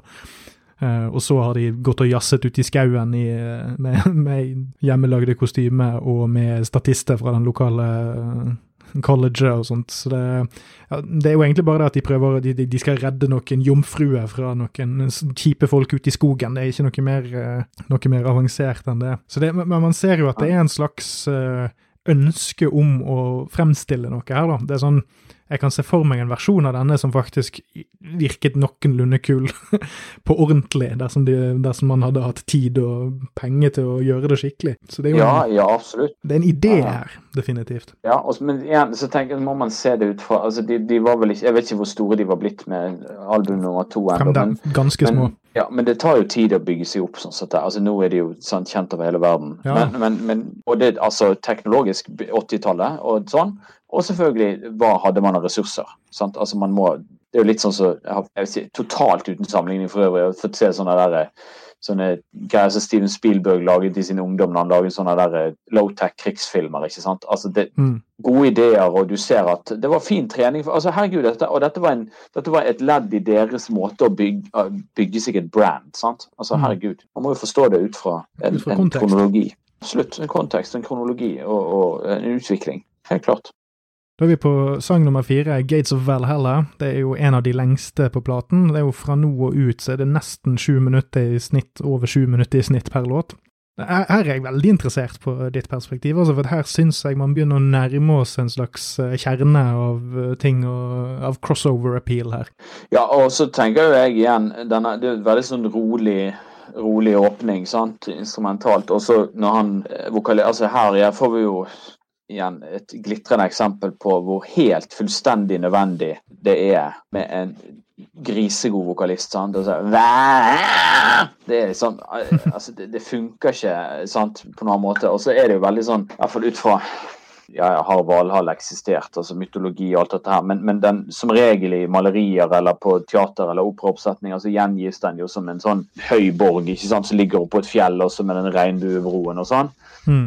Og, og det vokalen som da stiger altså du, det, er jo noe med, du, du, du ser jo hele greien for deg. sant? Og, og her eh, jeg tenker jo, Nå er vi jo definitivt inne i et sånn episk eh, si viking fantasy-landskap. Og, og det er klart også dette, dette krigeridealet, det, altså Valhall, så vidt jeg husker, hvor, hvor da altså de som har falt på slagmarken det er vel der de Havne. blir plukket opp og tatt med. sant? Altså, ikke det som skjer? Ja. sant? Eh, og, hvor, altså, og de får da bo hjemme hos Odin. eh, og så er det klart det, Ja, det må være, det må jo være flott, da. Eh, og dette er, jo, um, dette er jo ting som også Wagner plukker opp eh, så til de grader i, i sine operaer. Og i, i Ringgullet så er jo dette mot slutten av operaen, da. Den første av disse fire i ringen. Og, og hvor, hvor da eh, du får denne her regnbuebroen, en sånn flott nordarie som også så Nå er vi jo absolutt inne i det, akkurat den samme skal vi si, tematiske landskap. Men det er selvfølgelig veldig stor forskjell på musikken, da, bevar meg vel. Men altså, Vanover bruker ikke enorme mengder eh, messing og den slags for å altså, få dette fram. Altså, de nøyer seg med bandet og eh, vanvittig bra vokalprestasjon. Så, men også, også, jeg tenkte, jeg også å si det som du sa med lengden på låten. altså For den første, den, den her biker rock-låten, Warlord, den er vel sånn her fire minutter eller noe sånt. sant? Det er jo sånn med sånn radiohit-lengde. sant? Og så Mm. Men her får vi jo mye mer sånn det som jeg iallfall forbinder med sånn, altså både prog, rock og ellers altså, og, og en del sånne her episke låter, altså at de, at de heller bikker over hen imot ti altså De er nærmere ti enn fem minutter. Mm. Kjempestilig låt og veldig sånn tung, veldig sånn ja, og en strålende, strålende vokal, syns jeg kanskje først og fremst. Så for meg iallfall fremhever seg den låten her. Ja, for dette, fytti faen for en åpning dette her er. Fordi, Ja, ja, så, sånn, som jeg tolker denne låten, for den er jo ganske beint fram, så det er jo ikke sånn at vi er nødt til å gå så jævlig sånn dypt i materien for å finne ut hva de mente med det. For det er jo egentlig bare en sang om en fyr som dør og kommer til Valhall. Det er jo egentlig bare det det handler om. Uh, Mm. Men jeg syns faktisk, og det, det, dette er en litt sånn kul bieffekt av å få gjester med på denne podkasten, er at noen ganger så begynner jeg å tvile litt sjøl om jeg har nok å si, så da går jeg litt hardere til verks. Så det jeg merket Mm. nå, er det at det, det stilige er at det virker som om låten i seg sjøl går litt i sirkel. Eh, At den, den, den starter med et rolig parti der han synger ganske vakkert, syns jeg. Altså det er en, sånn, det er en fin gjengivelse av det å dø, hvis det henger på Mm. greip. At det er en litt sånn Jeg syns de klarer å fange veldig godt hvis du tror at du kommer til Valhallen når du dør, så er dette en veldig Ja. fin måte å gjengi hvordan det føles. Um, Ja, altså det er vel vikingenes eh, svar på det å eh, Altså den, den litt sånn fine Og så er det vel valkyrjene som kommer og plukker de med seg, ikke det sånn det er da? Det, jeg tenker jo at dette her er jo en sånn sånn Så kicker det jo inn litt mer sånn Altså det blir jo røffere lenger ut i låten, men, men jeg tenker jo at her er vi inne på en slags sånn Kanskje ikke gjøre det for religiøst, men det er nesten en sånn parallell der in paradisum, eh, sant? Og med, med, og skal du liksom fly inn der og så ta englene imot deg, men her er det guden, eller her er det Odin og, og de falne fra tidligere kamper som tar imot deg. sant? Altså, mm, så det er absolutt en sånn der, eh, det, det, er jo, en sånn eh, altfor banalt å si stas, men, men det er noe med den derre det, det er jo en sånn litt sånn høytid over det, da. Altså, og andektighet, kanskje. Ja, andektig er et jævlig godt ord, egentlig. Ja, det, det er noe med det, tror jeg. Ja, og så vil jeg komme litt tilbake til det, for det, jeg syns det går litt i sirkel på, på teksten. For det begynner jo med et sånt rolig parti der han synger om liksom sånn no, no død. det, liksom, det føles som at han, han er på slagmarken når sangen begynner, sånn, så han holder på å daue. Og så er det egentlig bare Ja. en sånn gjengivelse av hvordan det er å på en måte komme til eh, Valhall. Eller hvordan det er liksom Hva, hva er det du skal eh, Hvordan Ja. det føles, og, sånt, og hvor, hvor, hvor mektig du på en måte skal bli. Sant? I'm, I'm now immortal, bla, bla, bla. Men det er litt stilig. Altså Det siste verset er jo Da vender vi jo tilbake igjen til det første, men så er det det siste han synger, er vel I scream the final battle cry. Absolutt. Ja, så, så, så at, at, at egentlig så kommer vi tilbake igjen til starten. At Ja. han, han er ikke død ennå, så du kan òg se på dette som en sånn, eh, en sånn eh, folk som har nær døden-opplevelse og sånn. sant? At dette er, kan òg vel så gjerne bare være i hodet på han fyren som dauer. Som jeg syns er litt sånn fint, at det, at det, kanskje er en sånn mikrokosmos av sånn nær-døden-opplevelse, eller det siste du ser før du dør, da. Ja, sånn, ja. ja også at det der sluttes, liksom, da. At det blir en sirkel. Ja. Mm. ja for også tenk, altså, the, I scream the final ja. Det har ikke jeg tenkt over før. Men, men absolutt, det er jo sånn at with sword in hand. Så, altså, altså, det er jo en ja, altså Er han død ennå, eller er det drømmen om å dø og komme til Valhall? Ja, og så er det jo òg det at du skulle, I Valhall så er det vel òg det at du har Da er du udødelig, og da hver dag skal du dra ut på et sånn og, og, og, slåss og dø og stå opp igjen. Det er en sånn syklus der. Du blir en del av Odins uh, host. Det er også en tilværelse. Ja. Men så skal det jo òg sies at, at det, det, er jo ikke sånn at Manwar er de aller mest innstuderte uh, disiplene av eh, norrøn mytologi. Så jeg, det jeg liker veldig godt med disse vikinglåtene og Dette er jo den første skikkelige vikinglåten de noensinne har lagd. Um, mm. Så det, dette er jo starten på mye som kommer seinere for meg er ikke det så jævlig viktig at det er så jævla close til kildematerialet. For dette er ikke en type åsatro som egentlig har så mye med religion å gjøre. Dette har mye mer med Manwar å gjøre enn det har med Odin. Så ja, de, altså, de, approprierer norrøn Altså, det, det, er mye mer sånn tegneserie norrønt. Det er ikke så ille, det som er i dette materialet, men seinere så lager de en del ting som er litt sånn var jo kanskje ikke helt sånn close, men for meg så er det ikke så forbanna viktig. Det er litt sånn som Marvel sin Thor og sånn. sant? Altså, de, de, tar, de tar det som passer og så fyller de det ut med sin egen ja, ideologi, om du vil. Ja, altså Du snakker om appropriasjon, altså, et, altså, eller et, et, annet uttrykk jeg tenkt å bruke. Altså, det er vel litt sånn altså, det går jo an å, å shoppe litt, da. Inspirere av det, jeg vet ikke, uten at det nødvendigvis trenger å være helt bønn tro mot kilder osv. Så sånn. men, men jeg tenker uansett at underveis i plan, altså, og hvor man hvor langt Jeg vet ikke om de har tenkt noe sånn kronologi her, og sånn, men, men det er uansett uh, man har jo foretatt en forholdsvis lang reise fra åpningen med ja, denne bikerlåten, og så nå er vi liksom i Valhall. sant? Altså, jeg tenker jo at her, her er det jo liksom Finner de jo litt seg sjøl, da. Kanskje. Som band. Ja, men en, en, en, altså en fin låt. Altså, jeg, jeg, som sagt, i hvert fall når jeg har hørt på for, for, meg så er den her liksom Ikke at det andre er dårlig, men, men, men, altså, det, det, men, men for, for, meg den her, den her bæres virkelig av eh, solid vokal, altså, syns jeg. Svært solid låt. Og, og, det er kanskje den ja, låten med mest crossover-appeal på hele platen, vil jeg si. Altså den som kanskje kommer nærmest å, være appellerende for, uh, for, noen som bare kommer gående rett inn fra gaten, holdt jeg på å si. Ja, men det kan jeg nok Ja, absolutt. Helt klart. Nei, men uh, herlig låt. Ja, og så, jo, så får man jo da selvfølgelig en Ikke om en kontrast, men det er jo fra, fra gleden av å komme til Valhall, så er det jo hatet innen den neste sangen. Som... Yes! Ja. Der er jeg litt spent. Og da, da, er vi over på Da snur vi, for de av dere som uh, syns det er veldig gøy at uh, jeg snakker mye om vinyl, så skal vi nå på side to. Vi er på oppløpssiden, men det er òg nå ting blir kanskje det seigeste på hele greien her. Uh, og det er Hatred, som varer i 1000 minutter, men på papiret bare varer i 7 minutter og 38 sekunder. Altså, det her er jo altså, igjen et, et helt annet eh, helt annet Det er fortsatt seigt altså, Forholdsvis ja, seig altså, sant? Det går jo ganske Ikke så si langsomt, men det, det, er jo ikke noe sånn det er jo ikke noe sånn uptempo-suggererende sånn eh, over den. Men, men dette her, det her er jo det er jo noe med disse skrikende gitarene, eller skrikende gitaren, som er mm det er vel noe med igjen altså et uttrykk som, og et budskap i denne her uh, Dette hatet som da kommer til uttrykk her. sant, I taste your blood, sant, og så videre. Mm. Og jeg tenker det underbygges veldig godt av den skrikende gitaren. I, ja, jeg, jeg, tør påstå et litt slitsomt register. Ja, det altså. nærmer seg litt sånn atonalt. Men så er det sånn der eh, sånn, ah, Gi deg, kom deg ned igjen. Altså, det, det, det, man skjønner at dette her er det, er noe sånn innbitt over hele lydbildet. Og det her er jo en helt annen altså fra, fra den forrige med krig og død og Valhall, altså, men, men, her er jo en helt annen sånn Her får man kanskje litt mer av motivet bak det som førte noen ut i krigen, kanskje. Altså et hat mot noen eller noe. Og han synger jo om at styrken min er hatet. Sant? Og det er klart, mm. hat kan jo drive Altså, hva er det hat? Det kan jo drive folk til å gjøre de sykeste ting. Mm. Så, så, så, klart her er vi inne på en sånn Dette her er jo mer sånn eh, sint og hatefull mann, da, som remjer i vei. Mm.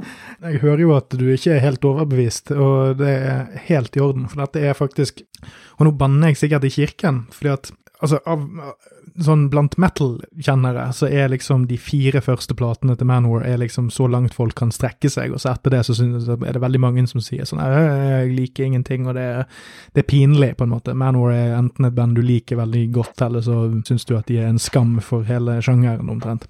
Eh, men det er liksom opplest og vedtatt at de første, nei, fire første, og i hvert fall nummer to, tre og fire, er veldig solide og innflytelsesrike plater. Så det at jeg disser en av låtene på en av disse platene, er, er, nok noen som ikke vil like spesielt godt. Men Hatred er faktisk en av mine desidert minst, altså de låtene jeg liker minst av Manowar, fordi for det første så er den for lang. Den har ikke nok materiale til å overbevise meg om at over sju og et halvt minutt var nødvendig. Det er folk som liker sånn seig musikk, men jeg er ikke en av de, og det er ikke det Manowar er flink på. De er ikke flinke på det som er seigt bare for seigheten sin del.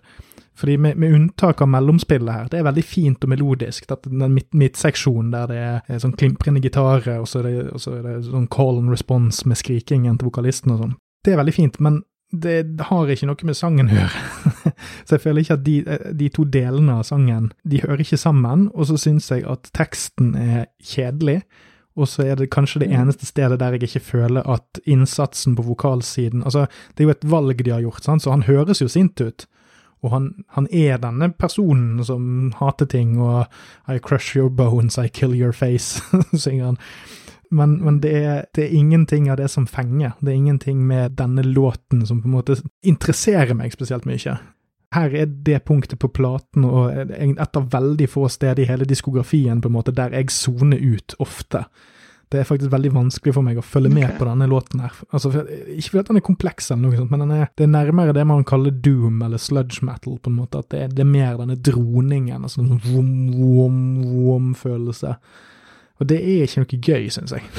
Nei, ja, ok, men jeg kjøper altså at det, at det blir værende i en sånn der altså, Jeg vet ikke altså, Ellers så syng, altså når de synger om, om uh, krig og, og ja, Valhall og, og, og, metal, og, de synger om si, seg sjøl altså, Her er det jo mer sånn der Her er man inne på altså, bare mørke krefter i mennesket og, ja, sant, og, crush, så du sier, crush og kill, og det er vel terror inni her og litt sånn også. Mm. Eh, altså det, det, det, blir jo ikke plumpt, det er jo ikke det jeg mener, men, men, at det kanskje blir litt sånn At det blir så, såpass grafisk at det blir litt sånn Slutt, slutt å kødde. Ja, og det er sånn Vanligvis så selger de denne typen grusomheter med, om ikke glimt med øyet, men i øyet, men at man, man føler at de har hatt litt gøy. Det skinner gjennom en slags sånn kreativ glede eller en inspirasjon, men denne låten her føles ikke som om noen egentlig har hatt det gøy med å lage den, og så, og så, er det det at jeg, det slår meg som at det er den låten som er mest inspirert av at verden var imot dem på dette tidspunktet, hvis du tenker den der eh, forfølgelseskomplekset til Joey DeMaio. Som vi, vi kan la tankene gå tilbake igjen til den teksten som sto på baksiden av platecoveret. sant? Ja, vi ble stukket i ryggen av folk vi stolte på, og så mm, alt, alt har gått til helvete. Fuck dere, fuck verden. Æh. Men jeg syns ikke det å grave seg ned i sånn det er noe med å forherlige en såpass negativ altså noe, altså sånn at, altså De synger om negative ting hele tiden, det er ikke det, men det er noe med at det finnes noen ting du kan glorifisere, uh, og få det til å funke i en låt. Altså, det, ja, men, altså, det, blir kanskje litt for grafisk, da. fordi at ellers så er det jo jeg vet ikke, det, det er jo ikke det de synger. Det, det, er jo, Ja, det er krig og guder, og ja, man dør og kommer til Valhall, og man dør og, og sånn, men, men her, det, blir kanskje litt uh, jeg har, jeg, har, jeg har, ikke rukket å tenke sånn. Altså, du, det er klart du har også hørt det flere ganger, men, men, for meg så er det også et sånt i hvert fall når jeg, som jeg sa, det, et, et lydbilde med disse skrikende gitarer og sånn, hvert fall altså, som er Ja, det er slitsomt å høre på. Og dette det er kanskje litt sånn her med hensikt, da, selvfølgelig. Mm. Altså, for når jeg hører sånn så det der lenge, så, så det, min tanke da er jo Men det går nå egentlig på altså, det, det, blir, det, blir, litt sånn monotont, sant? som gjør at du Jeg skjønner at du hater alt nå, men kom deg ned fra det registeret der. for det, Dette er slitsomt å høre på. Men det var kanskje nettopp intendert fra deres side. Ja, altså, men jeg ser hva du mener. Altså, den, den, er kanskje litt på siden av det de ellers prøver å få fram. Ja, for det, det er jo et, et album som er kanskje det mest med noen unntak senere i diskografien, så dette er kanskje det mest eksperimentelle albumet de har. Det er ganske stort spenn på Altså, du hører jo definitivt at låtene hører sammen og kommer fra samme sessions og sånt, men det er, det er kanskje den av de seks første platene, så det er kanskje den med størst spenn i både litt lydbilde og hvor store topper og bunner du kan komme til i register og, og, og fart og sånn. Det er kanskje ikke det, De mangler en skikkelig skikkelig dritkjapp låt, men bortsett fra det så føler jeg at de har prøvd ut mye rart her, da, så jeg, jeg tenker at dette er en litt sånn eksperimentell greie for dem. Uh, og så vet jeg at denne ja. låten sikkert har inspirert en del, uh, en del sånne black metal-folk og sånt, så det, men det, det, er liksom sånn Jeg syns ikke det er et godt eksperiment, og det passer Det er ingen av styrkene til dette bandet her som kommer fram på den låten. Men, men for, for, å spørre om, om, det, da. synes Syns jeg altså, at en del black metal-band har, har, plukket dette opp, og det er jo relevant for oss. Det, jeg tror ikke det er så mange nordmenn som er klar over hvor, hvor stor eksportvare norsk black metal er. Men har, har de kommentert altså Manowar, har de kommentert noe selv om dette med at Altså Jeg tror kanskje de har uh, erklært det at det ikke er false metal, i hvert fall, black metal. Uh, og så har de hatt uh, Immortal som oppvarmingsband på 2000-tallet en gang. Så, så jeg, jeg, tror ikke de har noe imot det, på en måte. Og så er de òg litt begrenset Altså, jeg, jeg, må ikke overdrive inspirasjonskilden, men det er liksom to-tre to, av disse platene pluss Venom og en del Motorhead har vært på uh, spillelisten til en del black metal-folk, uten at jeg er noen ekspert på det, men det er i hvert fall en link jeg føler meg trygg nok på til å snakke om, men ikke, ikke til å gå i dybden på, for jeg er ikke noen black metal-fantast. Uh, Nei, nemlig. Uh, nei, for det, det, det, er jo interessant å, altså, eventuelt vi, altså, om, fordi at altså, det er langt fra Manowar til uh, hva kan det hete, altså, Tyrikon og Enslaved og disse men, mm. men, men, at de kanskje altså, det, at de kanskje la, shopper litt uh, av den estetikken. Men selvfølgelig at black metal drar det jo selvfølgelig mye lenger, da. Vi er på oppløpssiden, som sagt, så jeg tenker vi kan mm. gå videre til den neste, for det er jo nesten en, den rake motsetningen på mange vis. Det er nummer seks, det er Revelation, Death's Angel. Nå er jeg spent, for nå, nå, begynner vi å komme litt inn på igjen litt mer ditt, ditt territorium, sånn tematisk. Ja, altså for det første så er det jo altså Jeg tror jo altså Da jeg hørte gjennom hele platen første gangen, så er det klart fordi jeg ikke er LP-spiller, så slipper jeg å snu platen. Men det som igjen som en da, apropos til den forrige veldig seige og kanskje litt langdryge låten, så er det jo veldig deilig å få et lydbilde som her speedes litt opp. Her er vi i sånn galopperende landskap. Og så, det er jo, det, er jo sånn, Den bryter jo heldigvis litt opp, da. Og det, det er jo, tenker jeg Hvis man skal drive og høre albumet i sin helhet sånn, så, så, så, løsner det veldig, da, med den, den låten her. Og så er det jo eh, altså Revelation altså her, det er noe og dødsengel. altså Her er det nå en, en, en, åpenbar sånn litt sånn kvasireligiøs sak igjen, da. Men så er det jo et eller annet med Satans trone og, og, og noe greier i Armageddon. Og så er jo igjen en parallell til Wagner, da, med, altså i den siste operaen i ringen, da, Götter Demmerung, eller da som det ville hett i norrøn mytologi, Ragnarok. Eh, Hvor vi da eh, vet, men, men, her er vel litt det, altså det er vel ikke det Satan som går ut som en slags seierherre her, da? Er ikke det som skjer? Det vet jeg jommen meg ikke. Eh, fordi dette høres for meg, når jeg, og når jeg leser på teksten og sånn, så det jo, ja. virker det jo som om det er hentet veldig beint ut fra Johannes' åpenbaring, mye av dette her. Ja, ok. Nei, for bare altså, det med 'fall on Satan's throne', altså uh, Refrenget er 'Revelation', The Chosen Saved. sant? Det er jo de som De troende har kommet til himmelen. Ja. Uh, Earth be cleansed in a blaze. sant? Det er jo endetidene. Armageddon, The First Trumpet Blows. Det er jo noe referanse til eng engelen Gabriel, ikke noen som skal blåse i en eller annen sånn der, uh... Jo da, og, og trompet. Ja, absolutt. Og så det, det, du tenkte på i sted, er Hail, Fire and Blood fall on Satan's throne. Så det betyr jo at det går ille for Satan. Ja, sånn, ja. Nemlig. Ja, selvfølgelig. Ja, så, jeg tenker, også I første, første refrenget så er det And all self-righteous fools who lived and blasphemed. Uh, drink the wine of his anger, die with the beast. Altså dø med Ja, dø med helvete. Altså, det, det, altså det, de bruker jo ord og uttrykk ganske strategisk her, da. For jeg hørte på denne låten ganske mange ganger før jeg plukket opp det at det er faktisk ikke nødvendigvis en satanisk inspirert sang, egentlig. Det er bare en gjengivelse av uh, Johannes' åpenbaring, mer eller mindre trofast. Ja, når du sier også for, og de, for jeg mener det er syv trompeter som blåser når det er dommedag, mm. eller annet sånt. Uh, jeg mener, husker det. Og, ja, og ja, disse landeplagene også. sant? Altså, altså, det er jo igjen men, altså, en helt klar parallell, tenker jeg, altså tematisk iallfall, til som sagt til Wagner sitt, sin behandling av, altså i Ringen. Eh, og eh, så, så, er det jo igjen en sånn Men dette som jeg henger meg opp i igjen da, litt, det er jo det lydbildet her. Mm. Fordi det er, jeg syns alltid det Også innenfor når jeg spiller klassisk musikk, så er det hvis du har hatt en seig sats i et eller annet verk, og hvis det da mm. kommer noe, så speeder det opp etterpå. Det er liksom sånn altså, Misforstå meg rett, noen ganger så kan det opp, selv om tematikken kan være mørk og jævlig, så, så er det litt sånn at du noen ganger får følelsen av at solen står opp, eller at det, det er liksom en sånn Ja, en løsrivelse, da. Mm. Og en, en åpenbaring i seg sjøl, kanskje. Sant? Bare det å komme ut av det der, altså fra den hatlåten i sted. Så, men, men er jo, den er veldig sånn suggererende, da. Den, og i det der galopperende Veldig, veldig kul låt, syns jeg. Altså. Ja.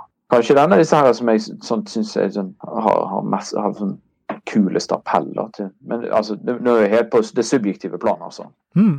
Som sagt, jeg, nå har jeg hørt gjennom platen et par ganger for å bare forberede meg på å for jeg kan den jo, men det er jo noe med å forberede seg på å snakke med noen andre om det. sant? Så må du kanskje tenke på har jeg tenkt på denne på riktig måte, er det en annen måte å se dette på. Uh, så, så den her har faktisk seilt opp som en sånn undervurdert perle for meg. For som sagt, ja, ja. Det, er litt, det er et litt sånn seigt fordøyelig album, dette her, og den her er begravd ganske langt bak.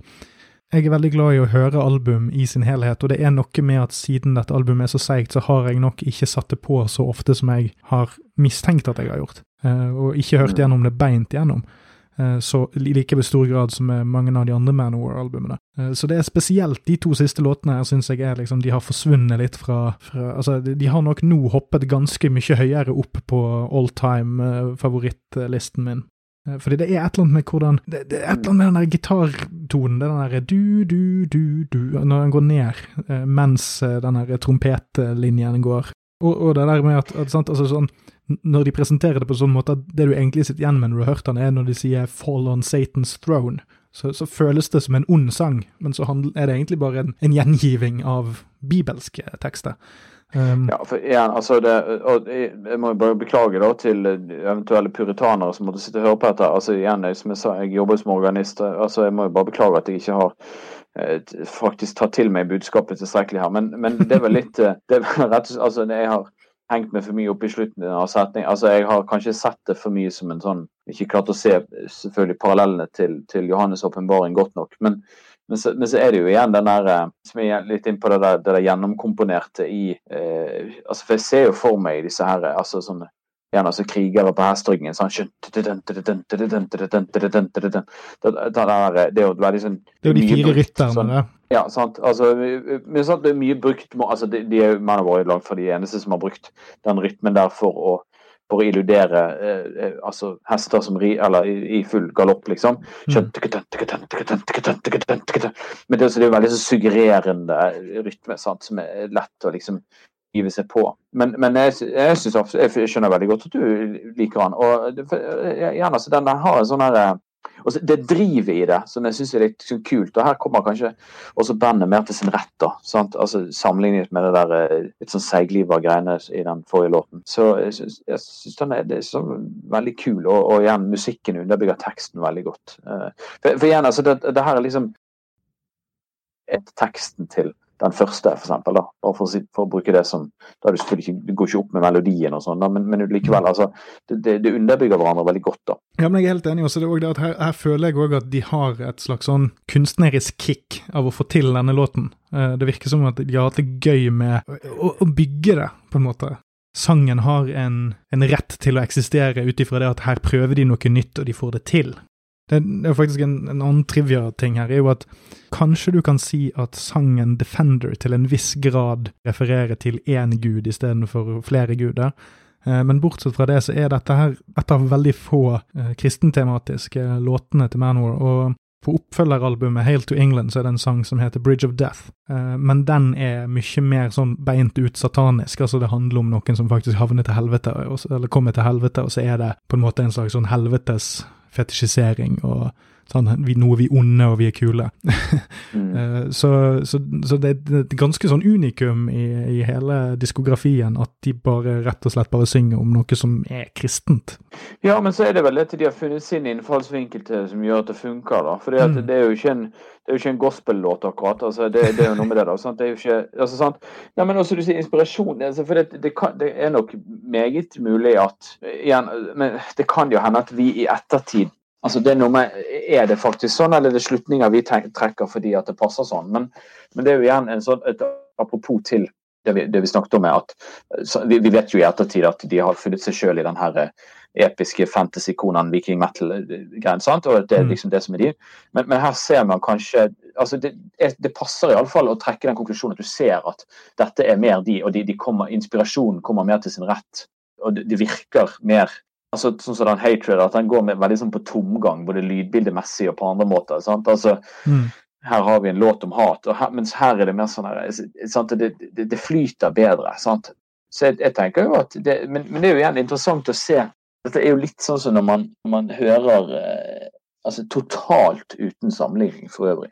Men dette er litt som å høre på tidlige verker av en komponist. F.eks. ta Grieg. da, Hvis du hører på tidlige verker av han, så kan man høre hint av det som kommer senere, fordi vi vet hva som kommer senere. Men for Grieg, på, da han var 23, å skrive det han gjorde, var helt nødvendig i, i hans utvikling. Mm. Og så finner han seg selv? Og, men sånn som Hatred, det er en låt de pleier å spille mye, vet du det? Altså, Nei, eh, generelt sett så er dette albumet veldig lite representert på spillelistene. De hadde vel noen turneer på 90-tallet der de spilte en god del, men bortsett fra det så er det ikke jeg sliter faktisk med å komme på Jeg tror ikke jeg har hørt Jeg har jo sett de ni ganger. Jeg tror ikke jeg har hørt en eneste av disse live. Altså i, i, der at jeg har vært til stede mens de har spilt det. Og det, og det er rart, fordi at som sagt, dette er en av de platene som de eier rettighetene til sjøl, så man skulle jo trodd at de kanskje hadde litt å tjene på å promotere det litt mer. Og det fins veldig mye tøft her, altså. Så det er, men, men det er jo igjen noe med hva, som, hva folk kjenner til, og, og sjøl band som ikke er listetoppe, har jo Man ser jo på fokuset til publikum når man spiller låtene, og så tenker man jo sitt. Sant? Så det, de kunne glatt dratt fram mye, og, og, det stilige er jo at mye av dette her passer jo til et litt aldrende register, da, så du siden det er såpass tungt, så går det an å legge det ned for å tilpasse vokalisten Absolutt. sin bunntone. Så det, det ville, ville vært solid. Men, men det, det er litt artig det du sier med øh, at man ser øh, antydninger til hva de blir seinere. For det de, blir, det de blir veldig gode på seinere, er jo faktisk kutte vekk veldig mye fett.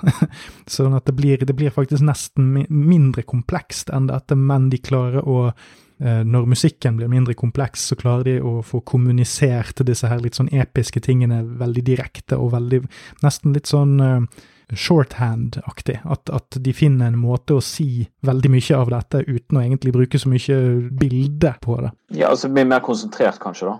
Ja, kanskje altså, at det blir litt mer sånn Ja, eh, Litt mer, eh, mer to the point. Men, men som sagt, det er jo kanskje det som er litt trist, da. At, at, at de ikke har lagd mer uh, av dette. Det, mye av dette forsvinner etter fjerde albumet. Eller de- har jo det seinere òg, det er ikke det, men, men denne eksperimenteringen med tematikk og sånn, for eksempel. Det, det, er mye, det er mye mer spredning i tematikken på ja, spesielt plate to, tre og fire. Vet du noe, Har du noen konkrete uttalelser? Altså, kjenner du til noe sånn med at, at de bevisst ikke spiller det? At de tar Jeg skal ikke si avstand fra det, men at de tenker at det tilhører en annen tid? Hovedvekten har nok ofte vært på det nyeste de har sluppet. Mm. Ofte gjennom karrieren det nyeste de har sluppet, pluss et sånt assortert utvalg fra tidligere tider, og så Greatest Hits. Mm. Så jeg, jeg vet ikke helt. De, jeg, jeg, jeg tror de er stolt av det, ellers hadde de ikke brukt så masse spenn på å remastre det og gi det ut på nytt og sånn. Så det er ikke, jeg tror ikke det er noe sånn avstandstagende fra det fra bandet sin side. Jeg tror det, det, jeg tror det bare er mer Altså, de har jo spilt ting fra platen live i lang tid, det er ikke det, men det har, det har falt ut veldig fra spillelistene, i hvert fall fra 2000-tallet og fram til i dag, Mm. og med, med noen unntak. Og som sagt så, så er mye av det dekket på noen liveplater de ga ut i 98 og 99. Og, og disse DVD-ene de har gitt ut. Så de har, de har på en måte vist det fram for verden, altså. Men det er ikke, så, det er ikke førsteprioritet, på en måte. Nei, men altså Så må man jo kunne Hvor mange plater har de spilt inn? De har gitt ut elleve studioalbum, og hvis du slår sammen noen av EP-ene de har gitt ut med originalt materiale, så kan du kanskje si at det er ett til, da. Mm. på 30 år. Så de ga ut seks album på 80-tallet, og så har de egentlig bare gitt ut to i tiåret siden. Det er litt rart. Men også pluss liveplater og Ja, masse. Ja, sant. Men uansett, det er klart, igjen da Sånn er det jo for alle band. sant? Og så er det vel Jeg vet ikke, kanskje Jeg vil jo tro at for dere si dere, dere som er blodfans er ikke det litt sånn at enkelte låter man forventer å få høre uansett når man kommer altså sånn Jo, en men så er det jo at når du først har sånn- blitt blodfan, så blir du jo kanskje litt lei noen av de du må høre gang på gang på gang. For min del så kunne de byttet ut alle låter på hele spillelisten sin, bortsett fra Kings of Metal og Heart of Steel. Det er egentlig de to jeg har lyst til å høre hver gang. Bortsett fra det så kunne de byttet ut alt. Eh, men så er det jo det at du kan jo være blodfan, men mindre blodfan enn meg, så det, det er jo alltid denne denne tingen man må tenke på når man setter sammen en spilleliste. sant? Og de har vært ganske gode. Jeg, jeg kikket over det før den turneen vi så. Uh, og de har vært ganske konsekvente, i hvert fall på alle turneene jeg har vært på, at de bytter ut fire låter, tre eller fire låter per gang. Ja, men, ja, altså, men det er klart de har mye materiale å ta av, så jeg forstår Noe må nødvendigvis kuttes. Sånn er det jo. Det, Men så er det kanskje igjen da at dette er ting som, som er kanskje for altså, ja, At de føler det kanskje er for langt vekke fra det de står for nå. Jeg vet ikke. Men uh, det høres ut som sånn der gammel bestefar. Fysj, kan du ikke sende et brev til et, et, et telegram og spørre om de kan spille den på neste konsert på verftet? Men, men altså, det er jo noe med at uh, altså, den, den, er, den har jo den, Hadde jeg vært med deg på konsert en gang til, så hadde jeg ikke hatt noe imot å høre den på konsert. Ja, Revelation. er, ja, Revelation. Dritkul. Ja, altså, de burde jo bare gjøre det. det de, de, de påstår jo at de, de gjør som fansen sier, men det er jo Igjen så er det et spørsmål om hva du velger å tro på eller ikke. Men uh, det var jo grunnen Ja. at de i hine Håre dager ga ut to eh, livealbum på to år, eller noe sånt, fordi at de hadde ikke gitt ut ett før, og så ville de prøve å dekke så mye av diskografien som mulig. Så det er liksom to, to dobbeltalbum, da. Ok, eh, da må vi gå videre til siste låt, nummer sju. Eh, March for Revenge, og så er det parentes By the Soldiers of Death. Åtte og et halvt minutt. Det var den lengste låten, ikke? Jo, det er vel det. Ja, igjen som opp, at det- når man ser at låtene begynner å bikke over mot ti minutter, da er det igjen Det var kanskje også et, et sånn signal om at de ikke hadde de helt store ambisjonene om at det var akkurat denne låten som skulle spilles oftest på radio, vil jeg tro. Han jobbet i sånn studentradio sjøl og vet jo det her når ting bikker fire minutter, så blir alltid produsentene litt stressa. Um, det, det er jo noe med det. Ja, nei, altså det her er jo de døde soldaters uh, hevn opp av graven og Jeg får jo litt sånn, Når jeg hører på den her, så jeg, jeg får jo litt sånn der eh, Jeg skal kanskje ikke si prog, altså, men, men den er jo veldig sånn seig. eh, Vi kjører på med rytme, sant? og så rår de det helt ned. og så, altså, den, går, den går jo i mange retninger, den låten her. Og ikke helt god å bli klok på, syns jeg. Eh, men, men, men igjen en, en kanskje en hyllest til de, de falne, da. Jeg vet ikke. Den er litt rørete her, for det, er sånn, det er jo en interessant tekst, sant? men samtidig så er den litt sånn all over the place. Altså, Hvem er det som mener hva her, og hva er det som skjer? Man mister litt oversikten over hva, hva som foregår, rett og slett. Det det Ja. han blir flinkere på seinere, er jo nettopp å være litt mer to the point. Um, men det jeg tenker sjøl her, er at dette er nesten en slags sånn fusion av Hatred, og så to låter fra forrige album som heter Dark Avenger og Battle Hymns. Eh, fordi det, det er litt sånn at det handler både om en sånn mytologisk eh, gruppe med folk som skal til kamp og slåss for et eller annet, og da er det som regel Manwar og fansen det gjelder. Eh, men så begynner det jo òg å blandes inn liksom en, en bror som har blitt Altså enten en, kjødelig eller en metaforisk bror som har dødd, og nå skal du hevne han.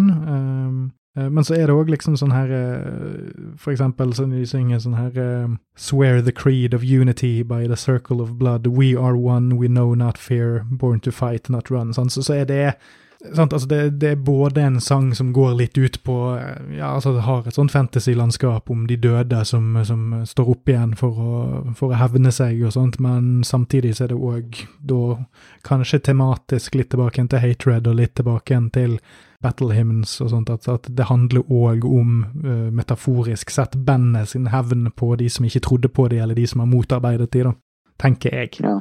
Ja, men, men er, er, det en litt sånn du snakker om altså, brø, si, brødre i krigen og brødre i metalen, altså enten det er faktisk en kjødelig bror eller det er liksom oss, vi i bevegelsen.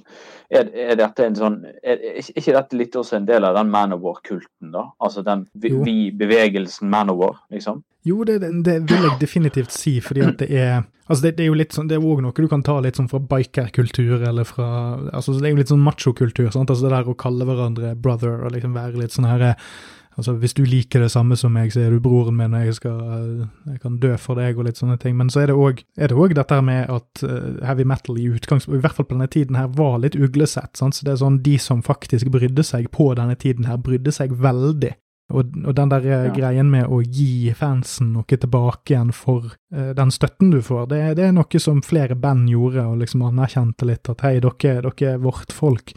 Uh, men jeg tror Manowar kjørte det mye lenger enn veldig mange sammenlignbare band. Det er egentlig det som er gjengangeren med Manowar generelt, er at de tar det mye, mye lengre.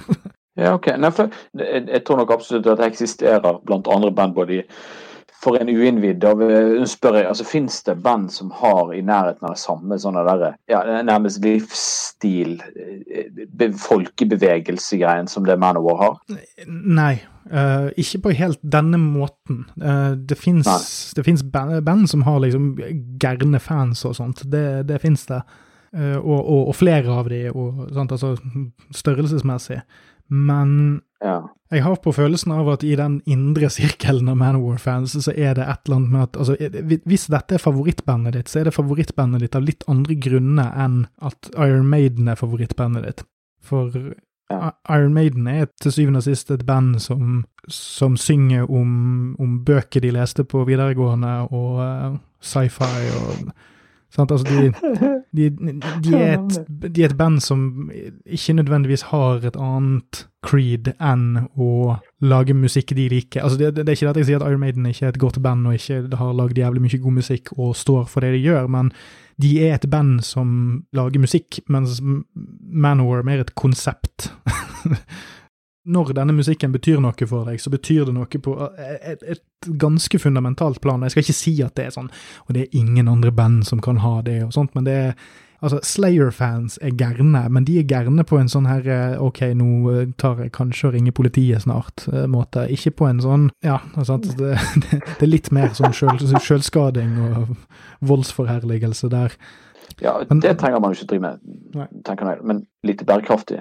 Jeg har truffet litt sånn eh, folk fra ulike land som har reist til de konsertene jeg har vært på. Og det, ja. det er overraskende hvor, hvor, hyggelige de er, og hvor lite voldelige de er, og hvor, eh, hvor flinke de er eksempel til å altså du, Hvis du har stått og snakket med noen, hvis du har fått deg en god plass på en Manowar-konsert, og snakket mm. med de som står ved siden av deg i tre minutter, så holder mm. de plassen for deg mens du løper på dass en tur. Null stress. Uh, okay. Altså, de er veldig sånn her eh, OK, jeg ser deg, du, du liker det samme som meg, du virker ålreit. Ja, ja, men da, da, henger jo vi sammen hele resten av kvelden. ja, okay. Ja, men så, jeg vet ikke, sånn Ja, like barn leker Altså at her mm. finner man hverandre gjennom eh, Tillat meg å si det, troen. Er det litt ja. sånn? Ja, og så er det òg det at det er veldig få som liksom ikke ser på hvilken måte det kan virke latterlig for andre, men så det, det er ofte en sånn internlingo som òg liksom anerkjenner det litt. Men så blir det òg mm. en sånn Men så driter vi i det, for det er gøy. så det Drømmen min over tid er jo faktisk å kunne skrive en bok om dette, for det er et eller annet sånt, sånt merkelig unikt. Uh, og, og, siden du spurte tidligere, det, det, er ikke, det ikke lagd noe sånn oversiktsverk, eller liksom, noe som liksom eh, tredjeparts som går litt sånn hardere til verks på det. Um, som er noe jeg kunne tenkt meg hvis jeg, hvis jeg, hvis jeg hadde hatt tid og penger. Det der, ja. Altså helt sånn ofte Altså dette der er jo sånn som Altså, altså tid har man hvis man tar seg tid, tenker jeg da. Dette der, det, altså, jeg sier kjør. For hvis ikke det noe sånt fins, så er det mulig altså, ja, jeg tenker du er nå skikket til å gjøre noe sånt. Unnskyld at jeg sier det. Men altså Da får vi se om noen forleggere hører på denne podkasten, da. Så får vi hit me ja, up. Altså, ja, dette der burde være mulig å få til.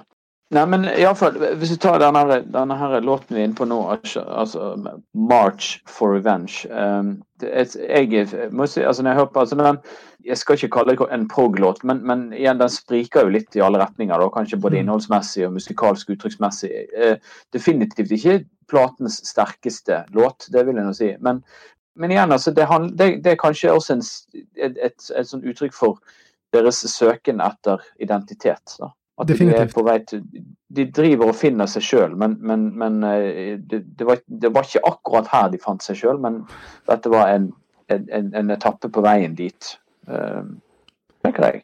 Det ville kanskje ødelagt litt for den oppturen som du nevnte i sted med Revelation, men det, det, en, det, hadde kanskje vært lurt å putte Revelation til slutt, faktisk.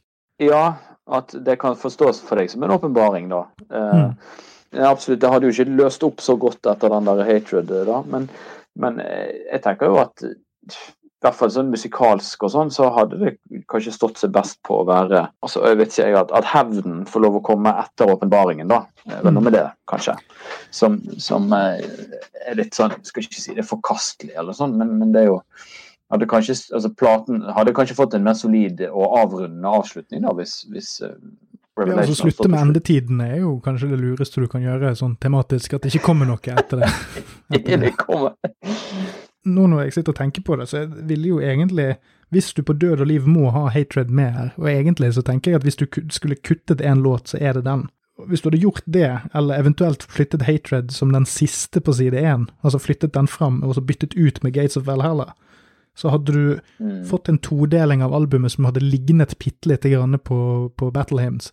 For der er det sånn at all mm. biker-rocken er på side én, og så er liksom fantasy-skitten på side to.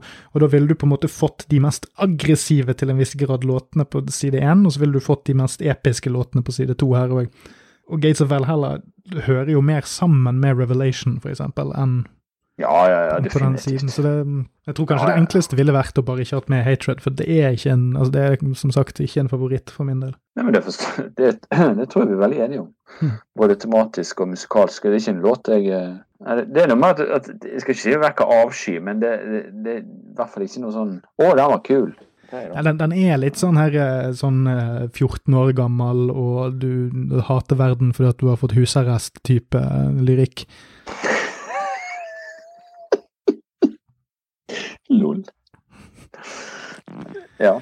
Ja, Men uh, da tenker jeg at vi, vi, kan runde av selve bit for bit, uh, tone for tone-gjennomgangen av materialet. Og så kan vi gå til en, en, seksjon som jeg har valgt å kalle avsluttende diskusjon. Uh, nå har vi, vi har snakket oss gjennom det, og vi har sant, nå, nå, har jo du plantet på en måte flere analyser gjennom hele gjennomgangen her.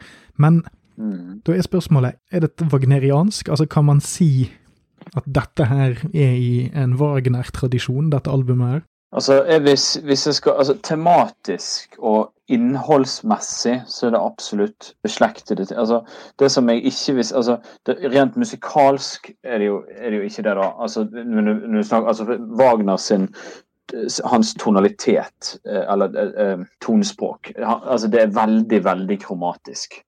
Hva betyr det? Eh, og veldig eh, ja, altså det betyr altså Nå sitter jeg for så vidt med et piano ved siden av meg. Jeg vet ikke om det vil høres så godt om man spiller eh, sånn, men, men det, det, er noe med at det, det er bruk av halve tonetrinn og bruk av akkorder som Altså, du kan si Når det går på det med musikkens Altså skal vi si, lå, altså Låtene til, til Manowar eh, holder seg jo innenfor altså Når det gjelder det harmoniske spekteret, altså akkordene man bruker, så er det jo et, et, et, et enklere lydbilde enn en hva Wagner bruker. For Wagners musikk er veldig veldig kompleks uh, når det gjelder både rytmer, men også da det, det som går på Vesentlig flere folk som spiller òg. Ja, ja, ja, og så er det, det, det er noe med at eh, sant, det er Gedigent orkester. Sant? Og han, han, bruker jo også, i hvert fall i de sceneverkene, så bruker han jo mye større orkester enn vanlig. Sant? Og det er fire harper, og, det er, altså det, og, og han bruker noe sånt der Wagner-tuba. Altså, han, han, er veldig glad i å bruke messing, f.eks. Men, men Eh, det som er med Wagner, er jo det, det, det, altså det, som heter kromatikk, altså bruk av halve tonetrinn. da, altså ta, da, da, da, altså den type. Eh, og han, det er blant annet, Etter hvert så dyrket han det der som han kalte for uendelig melodi. Mm. Nemlig at det, det, fortsetter og fortsetter og fortsetter og fortsetter. og fortsetter. Eh, og etter hvert, altså, det Du får jo brudd, og der kommer jo selvfølgelig eh, sånn en del av disse operaene, så du må, ha, du må ha eh, pause mellom aktene rett og slett fordi at det skal byttes kulisser på scenen og sånn. Men, men sånn, skjønner, i det store og hele så er det en veldig sånn nesten endeløs strøm da, noen elsker det, noen kritiserer det fordi at de, de, de mener at det er på grensen til spekulativt. Men du kan si, så, så rent sånn, skal vi si, innenfor det harmoniske og helt sånn strikt At det er kanskje wagnerisme som går på det med, med, med det bombastiske og det slagferdige. Det er absolutt ting som, er, som, jeg kan se at de har latt seg inspirere av når det gjelder det, det med altså, Jeg vil ikke si at, at metal-låter er liksom Wagner på, på, speed, men at det er liksom det, det, er noe med det der eh, litt storslåtte, da. Og det episke er jo definitivt hentet opp. sant? Men, men eh, og, og, selvfølgelig altså innholdet og flørten med det norrøne og alt dette. For, for, det må vi også huske på. Wagner også til en viss grad hadde jo en, en del sånn appropriasjon og, og ja, nesten lyst til å si shopping, da. Altså, og han var veldig altså Det er jo noe med kunstteoriene hans da som Ja, og det tar jo lang tid å komme inn på. men mm. Men jeg vil, jeg vil, absolutt si at dette her er jo det, det står det er jo et, helt klart en sånn avlegger av Wagners ånd 100 år senere. Definitivt. Helt klart. Kunne man sagt at det er som eh, hvis Wagner hadde en lausunge, og dette her tippoldebarnet til den lausungen, ville det vært en grei Ja, definitivt. Ja, ja, ja. ja, ja helt klart. Og, og sånn eh, Se her du, Rikard. Dette er det ungdommen driver med nå til dags. Opplegg. Sånn. Nei, men jeg tror jo, altså, det, Dette her er jo, altså for å ta en liten parallell, altså sånn så, for de som måtte kjenne til eh, Frans Schubert sine lider, så er det jo en del som mener at en avlegger av det i dag er liksom denne singer-songwriter-tradisjonen. At det liksom er det det har gått videre til. Eh, så, men du kan si i, når det gjelder harmonisk musikalsk kompleksitet grensen, altså når han var ferdig med, med liksom de sceneoperaene sine, så, så, var det ikke så veldig mye mer igjen å gjøre innenfor det tonale spekteret. Og det er også grunnen til at man da en, en ja, vel 20 år seinere så, så, sitter jo Schönberg nede i Wien og, og, begynner med sin atonalitet og oppløser dette her. Fordi man ser at det er ikke flere spicy akkorder igjen å lage. Altså det, ja, altså det, det, er liksom ikke, man, man, har på en måte brukt opp eh, potensialet, nær sagt. og Det er jo litt det samme som at det figurative maleriet er ikke, Nå er vi så flinke som det går an å bli, nå må vi begynne å gjøre noe annet isteden. Og Picasso maler blå mennesker. sant? uh, men så, så, jeg tenker jo at uh, dette her er helt klart en sånn Det, det går helt fint an å trekke en linje her. Og så kan Eh, og så er det selvfølgelig ting som er helt annerledes og forskjellig. Og så er det teknologien har det skjedd mye med. sant? Altså, Wagner hadde ikke elgitarer til rådighet. sant? Altså, Det er noe med det. Eh, så vi må også, Men at, at det her lever videre en arv fra Wagner i inspirasjon her, som kanskje kommer enda mer til uttrykk senere. altså jeg tenker jo Når, når man får på litt sånn synt og sånn i en del av den episke metalen til, til Manowar, så, så tenker jeg at det kanskje er enda lettere sånn umiddelbart å høre det. da. Ja, for Jeg tror, jeg, jeg tror vi skal ha en oppfølger eh, en gang om et år eller tre med Gods of War. For der tror jeg du har kommet til å ha mye mer eh, konkret sammenlignbarhet. For der er det jo orkest, altså syntorkester. Og jeg tror det er hentet mm. mer konkret inspirasjon, blant mm. annet litt om dette sykliske. Det er en del ja. sånne ting mm. som dukker opp der. Men det er jo litt morsomt å, høre deg egentlig bekrefte det jeg ikke hadde lyst til å få bekreftet her, da. Uh, men jeg lurer på om det... du kanskje har en liten sånn twist på det som gjør at ting henger litt mer på greip for meg. Eh, fordi ja. det, det, jeg virkelig misliker, er når heavy metal-kunstnere eller artister skal liksom insistere på en eller annen sånn evig eh, skjønnhet eller noe sånt. Altså, det er, altså, dette uttrykket burde være unikt nok til å stå på egne bein uten at du skal insistere på å låne cred fra kunstnere som du uansett ikke kan måle deg med. Altså, du, det, det, det, er ikke samme sjanger lenger. Altså det, og det igjen tre, tre, instrumenter, fire hvis du regner med vokal, kan ikke måle seg mot et helt orkester i kompleksitet. og, og ja, bare, bare, på det nivået. Og så er det jo igjen dette med å ha tid og krefter, og det å ha et publikum som gidder å høre på deg når du skal lage så stor og lang musikk som det Wagner gjorde. Jeg kan, jeg kan heller òg gå med på det du sier der, at det kan være en del av arven etter Wagner uten at det nødvendigvis sier noe om kompleksiteten, eller altså sånn Det jeg ville sagt eh, opprinnelig, er jo det at det er jo en tematisk arv her fordi Joey DeMaio liker Wagner, så han har jo hentet inspirasjon. Eh, men det ville da vært i den grad at all musikk kan sies være bygd over samme lest. Altså alt som kommer før og har vært innflytelsesrikt, vil nødvendigvis finnes igjen i musikk som blir lagd etterpå. Definitivt. Mm. Eh, og så er det noe med at kunst skapes ikke i et vakuum. Eh, og det er klart at, og, og, som du sier, sant, det er jo, det jo viden kjent dette at Joe DeMaio er glad i Wagner. Og, og sånn, og, det er klart at, at, han da tar med seg altså at, at, det da har fått være en ingrediens i hans inspirasjon. Men, men, at du ikke liksom kan Jeg vil jo påstå at det er ingen av disse låtene her du kan liksom stå og Der hører du der hører du Wagner! Hørte du? Der, der, der, der, var, der kom Wagner inn døren. Sant? Altså, det er liksom ikke noe sånn. Men, men, det går jo i en lang linje. Både, altså det er 100 år, og det er snakk om teknologi og det er snakk om alt. Så jeg tenker at det handler ikke om at, at, at dette liksom står på skuldrene til Wagner og liksom sånn, men, men det, jeg vil si at det går en linje der. sant? Men, mm. men at dette er en helt egen greie, og at det er misforstå meg rett, det er dårlig gjort både mot mennene våre og mot Wagner å si, liksom skulle sammensette disse ved siden av hverandre. Det handler mer om at du må se det i en linje og i et hendelsesforløp og i en og, og ikke minst en historisk pendel som svinger att og fram. fordi at jeg tenker jo det at når du hadde eh, f.eks.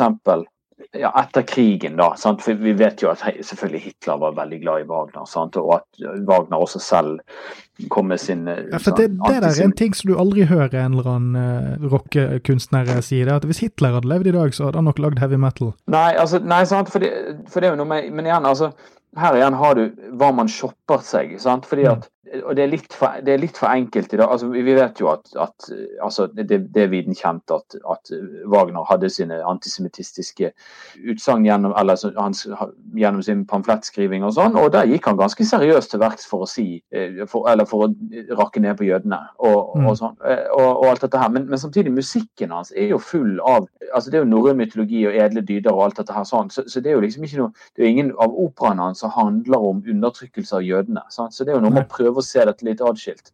Og så er jeg nå nei, men ikke så sikker på om Wagner ville ha likt at man at, at, Hitler brukte denne musikken som han gjorde, og at han samtidig drev med alt han drev med på, i, rundt om i forskjellige gasskamera og den slags.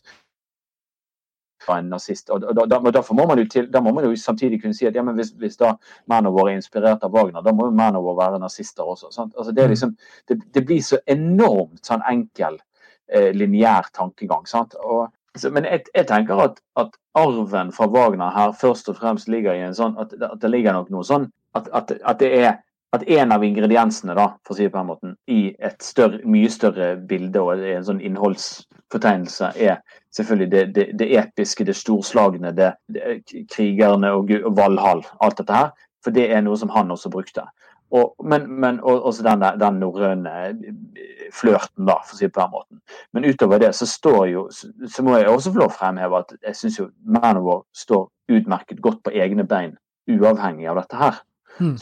Men, men, at dette er en, en, en moderne flørt med Wagners eh, verden, det syns jeg at det må være lov å si. Helt klart. Interessante perspektiver du har, og det har der. og dette her med nazi altså det, det, er jo alle, alle, band i og utenfor metal som har brukt vikingestetikk eller ulike grader av det, har jo blitt anklaget for Eller kan bli anklaget for sånn nazisme og, og sånt. Og det, det, er jo noe med hvordan nazismen har på mange måter òg altså I Wagners tilfelle så lå det kanskje litt nærmere overflaten enn en, en del andre, andre kulturuttrykk de stjal. Men det er jo igjen dette med appropriering. sant? Altså, de tar ting som virker kult, og så prøver de å, å, bruke det som en del av pakken sin for å forlokke folket. sant? Og så blir, blir, det da sånn at ja, Er det da ingen som kan bruke vikingestetikk seinere, eller er det sånn at vi skal tenke at det er uavhengig av, av uh, Ja, og så pendelen og ja, altså for jeg, jeg, tenker, altså, jeg har sett dette veldig mye når jeg har altså, både lest og, og, også ikke minst skulle undervist musikkhistorie. Så er det noe med å vise til at liksom jeg, tror altså selvfølgelig det er, noe, det er jo noe med hele altså Metalen er jo helt avhengig av de, den teknologiske skal vi si, utviklingen som skjedde. Og det er noe med at Du kan ikke bare si at ja, men hadde metalen kommet på 50-tallet. For det gjorde, altså det, Du var helt avhengig av at det først var rock'n'roll, og så gikk man videre, og så tungrock, og så sant? altså det, det, ene måtte liksom ta det andre. Men, men jeg tenker jo at så, så etter krigen da, så ville det være helt utenkelig å drive med denne her type skal vi si, vikingflørt. Altså, du tenkte at det gikk tilstrekkelig mange år, slik at pendelen var begynt å svinge, sånn at det mm. var mulig å ta i sånt stoff. sant? Og, og, og nå, og selv, men selv i dag, sant? Altså, man begynner med sånn altså, sånne her viking, altså vikinglandsbyer eller hva det måtte være, så, så får, får folk en litt sånn emmen-smak. Hmm, nazismen, liksom. sant? Mm. Men det har ingenting med nazisme å gjøre, det var bare at de shoppet den estetikken. sant? Og, og, det er jo litt det der som man må være litt forsiktig med å, å, å sette sånn merkelapp på, syns jeg. Fordi det, det, det, er, ja, er lite heldig. Ja, nå har vi jo diskutert det punktet her, så da tenker jeg favorittlåt eksempel? Altså, er det noe du ville likt? For som sagt, jeg tror jeg endte opp med at det er Revelation. Den jeg har hørt for lite på, og som jeg nå har på en måte gjenoppdaget. Uh, og, og, kjenner at fy faen, den, den her er kjekk på helt unik måte.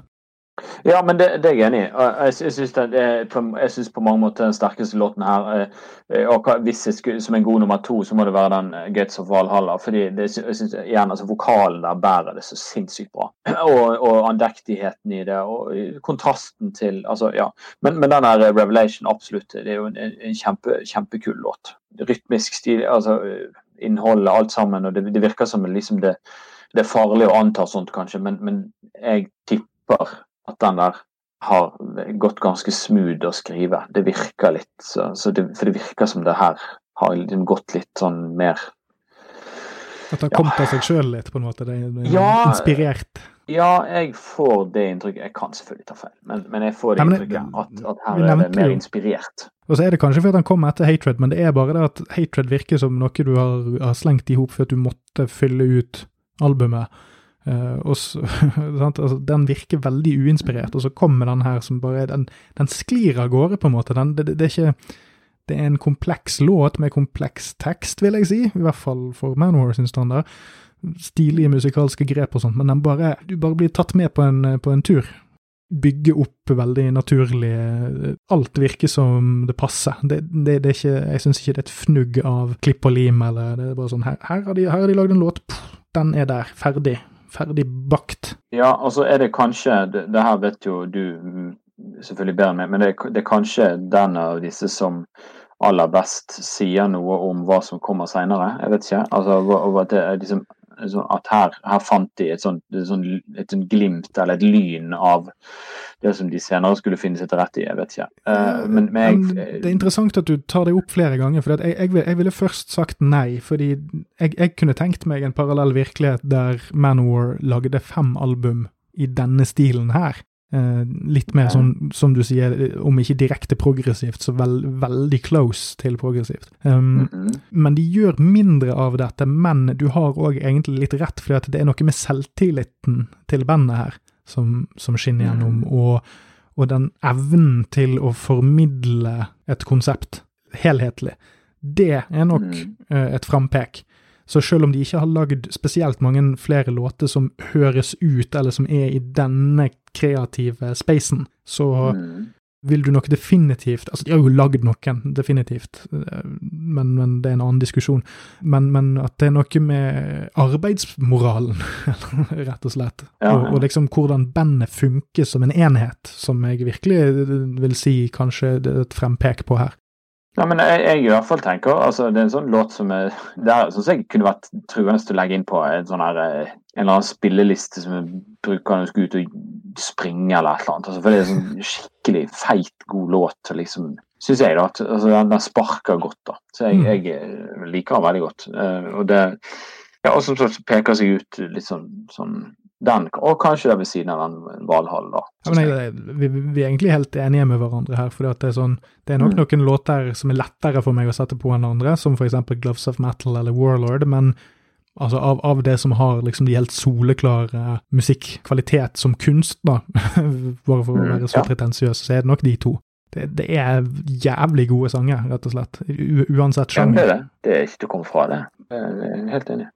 Men eh, da tar vi og runder av med det siste spørsmålet, da, for nå har vi jo snakket mye om de enkeltlåtene. Men hva okay, helhetsinntrykket ditt for denne platen her?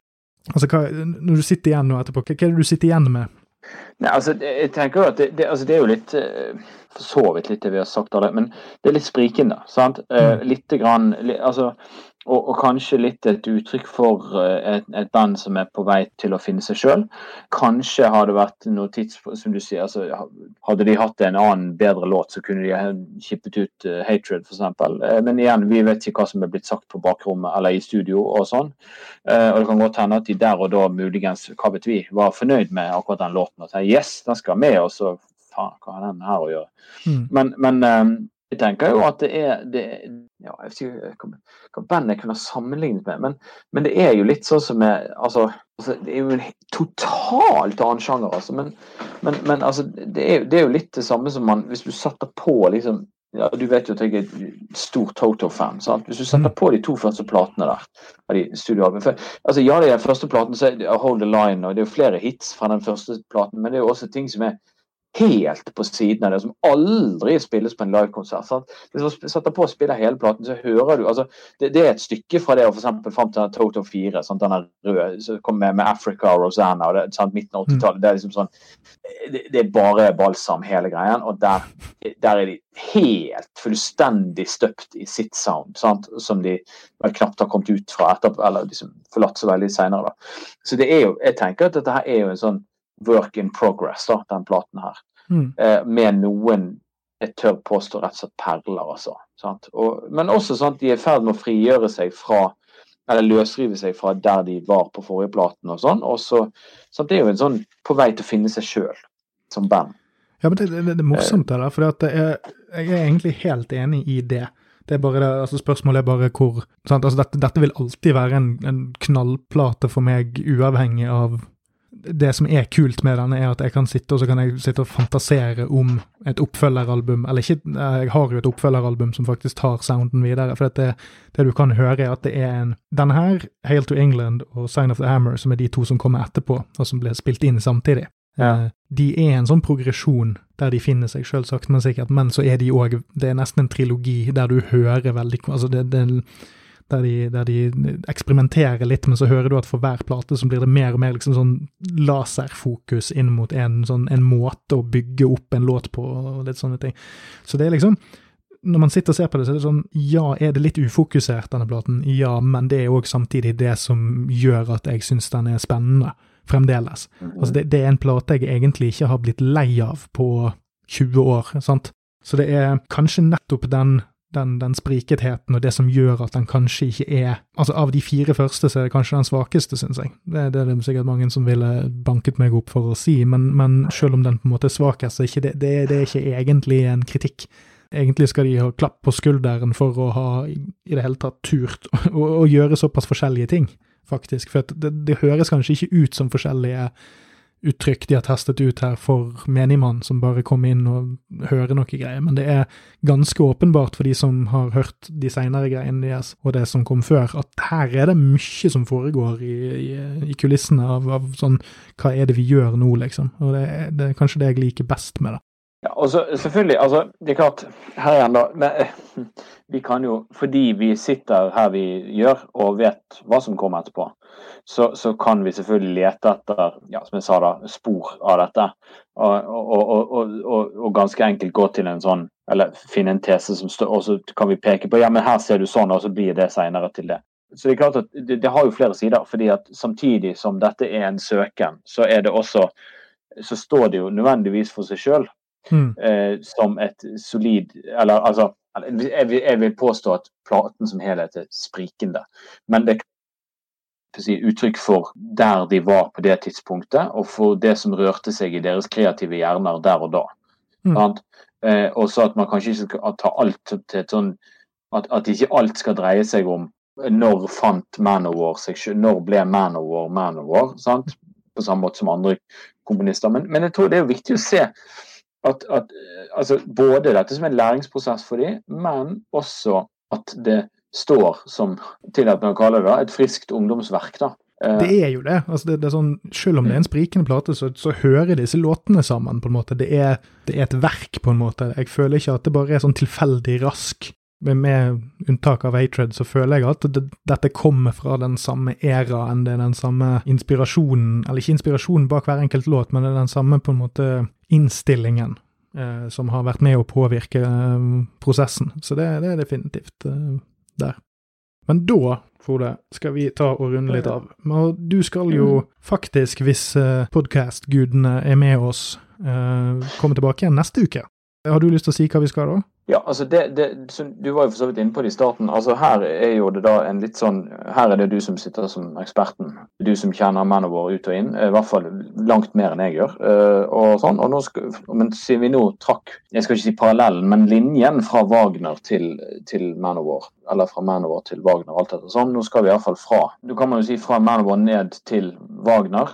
Eh, mens neste gang skal vi fra vi skal i hvert fall, eh, Planen er jo å da eksponere deg for Wagner, og så skal, skal, vi høre hva du tenker om dette når du har sittet og hørt på det. Og da, sånn for, for tematikken sin del, siden vi nå har vært en del innom dette med Valhall og sånn, så kommer vi da til å plukke litt forskjellig Altså Wagner er jo altfor stort til at man kan ta altså Selv en, egentlig én opera er på mange måter for mye, men, men at at siden vi har touchet såpass innom denne viking- og norrøn estetikken som, som eh, mennene våre er innom, så kommer vi til å ta for oss da en del, en del Det blir rett og slett en del scener vi da plukker ut fra et par av operaene hans. Bl.a. fra Ringullet, som er den første av de fire operaene i Ringen. Eh, der er det da en scene hvor, hvor da regnbuebroen spennes, og de går inn i Valhall. Så det er jo akkurat på mange måter akkurat det samme, da.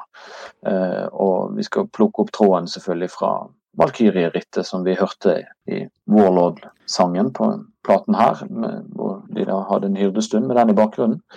Men her, da, blir jo, da blir jo perspektivet et annet. Ringen sluttes, kan man si. Vel, der sa du det. Det blir jo den andre veien igjen, da, egentlig. Så det kan jo by på vel så spennende perspektiv. Jeg håper det. Eh, nå får vi jo håpe at eh, man får nok tid til å sette seg ned med materialet. For nå ser jeg jo at det kommer til å ta et helvetes langt uår å klippe dette ned til fornuftig lengde. Men eh, du skal jo som sagt tilbake neste uke, og inntil da, hvis det er noen folk her som har hørt på deg og tenkt sånn Han der sa han ikke noe med noe greier. Har, har du noe du, du, driver med som du har lyst til å plugge for lytterne? Jo, det har jeg. Um, akkurat nå så er det jo saken altså Både fordi verden er totalt ute av vater, og fordi jeg er pappaperm, så, så spiller jeg ikke uh, offentlige konserter akkurat nå. Men jeg har jo da en Facebook-side som heter Frode Skag Storheim Pianist. Og det jeg gjør nå, er at jeg hver fredag legger ut noen sånne Jeg kaller det for Frodes flaneringer. Da er rett og slett uh, tverrfaglige kulturkåseri. Uh, gjerne da med Jeg har gjerne én hovedperson jeg konsentrerer meg om, men jeg er innom både musikk, bildkunst, filosofi, eh, litteratur osv. Og, og, og snakka litt rundt det. Sånne, egentlig skulle de ikke være mer enn ti minutter. De jeg har laget til nå, har jo da blitt 20 minutter med, med spillingen og sånn. Men det er det som jeg gjør på akkurat nå. Men ellers denne siden der, der ligger det ute veldig mye både ting jeg har laget sjøl og ellers klipp fra konserter og sånn, som folk kan se på hvis de har lyst til det. Og der er det, det er klart Da er vi jo inne i den hovedsakelig den klassiske verden, da. Men, eh, men eh, ting som jeg likevel er opptatt av alltid at, at, formidlingen av dette skal være så tilgjengelig som mulig. Eh, litt fordi jeg mener at en del Det er ikke alle som er bekvem eller er familiær med klassisk musikk, og en del er kanskje litt, litt redde og litt sånn usikker på hvor i svarten man skal begynne. Uh, og Da kan det være greit å, å, høre på noen som i hvert fall gjør et forsøk på å snakke litt uhøytidelig rundt disse tingene. Det, det handler jo om å ha få kanskje noen drypp med forkunnskap, og så, og så derigjennom å, å, få noen drypp kanskje som kan være verdifulle. Noen livbøyer da, som man mm. kan ta med seg. fordi det å bare kaste seg ut på altså Jeg vil ikke anbefale noen å bare 'Hallaisen, du har ikke denne ringen av Wagner, og vær så god, her har du 15 timer med musikk.' ikke sant? Altså Det er ikke det er litt det samme som du skal begynne å trene, så begynner du ikke med å springe maraton. Altså, du må liksom begynne med noe litt annet, og ta det i litt mindre doser. Ja, men Kult, Frode. Da tar vi og mm. runder av nå. Og så får jeg bare si tusen takk for sparringen. Jeg syns jeg har fått lært litt uh, jeg, jeg, har tenkt nytt om noe, noe, som jeg trodde var Altså, jeg har rett og slett fått pusset opp en, en, en gammel fi, finstol her. Fått lagt ja, ny polstring og hele pakken. Så jeg, jeg føler jeg sitter igjen med et bedre bedre forståelse nå enn eh, jeg hadde. Veldig bra. og like, altså Jeg får jo et innblikk i en verden jeg ellers er lite i. og Dette her er bare bra. Men da mm. Ha det bra, så snakkes vi om en uke. Ha det. Da sier jeg takk for meg.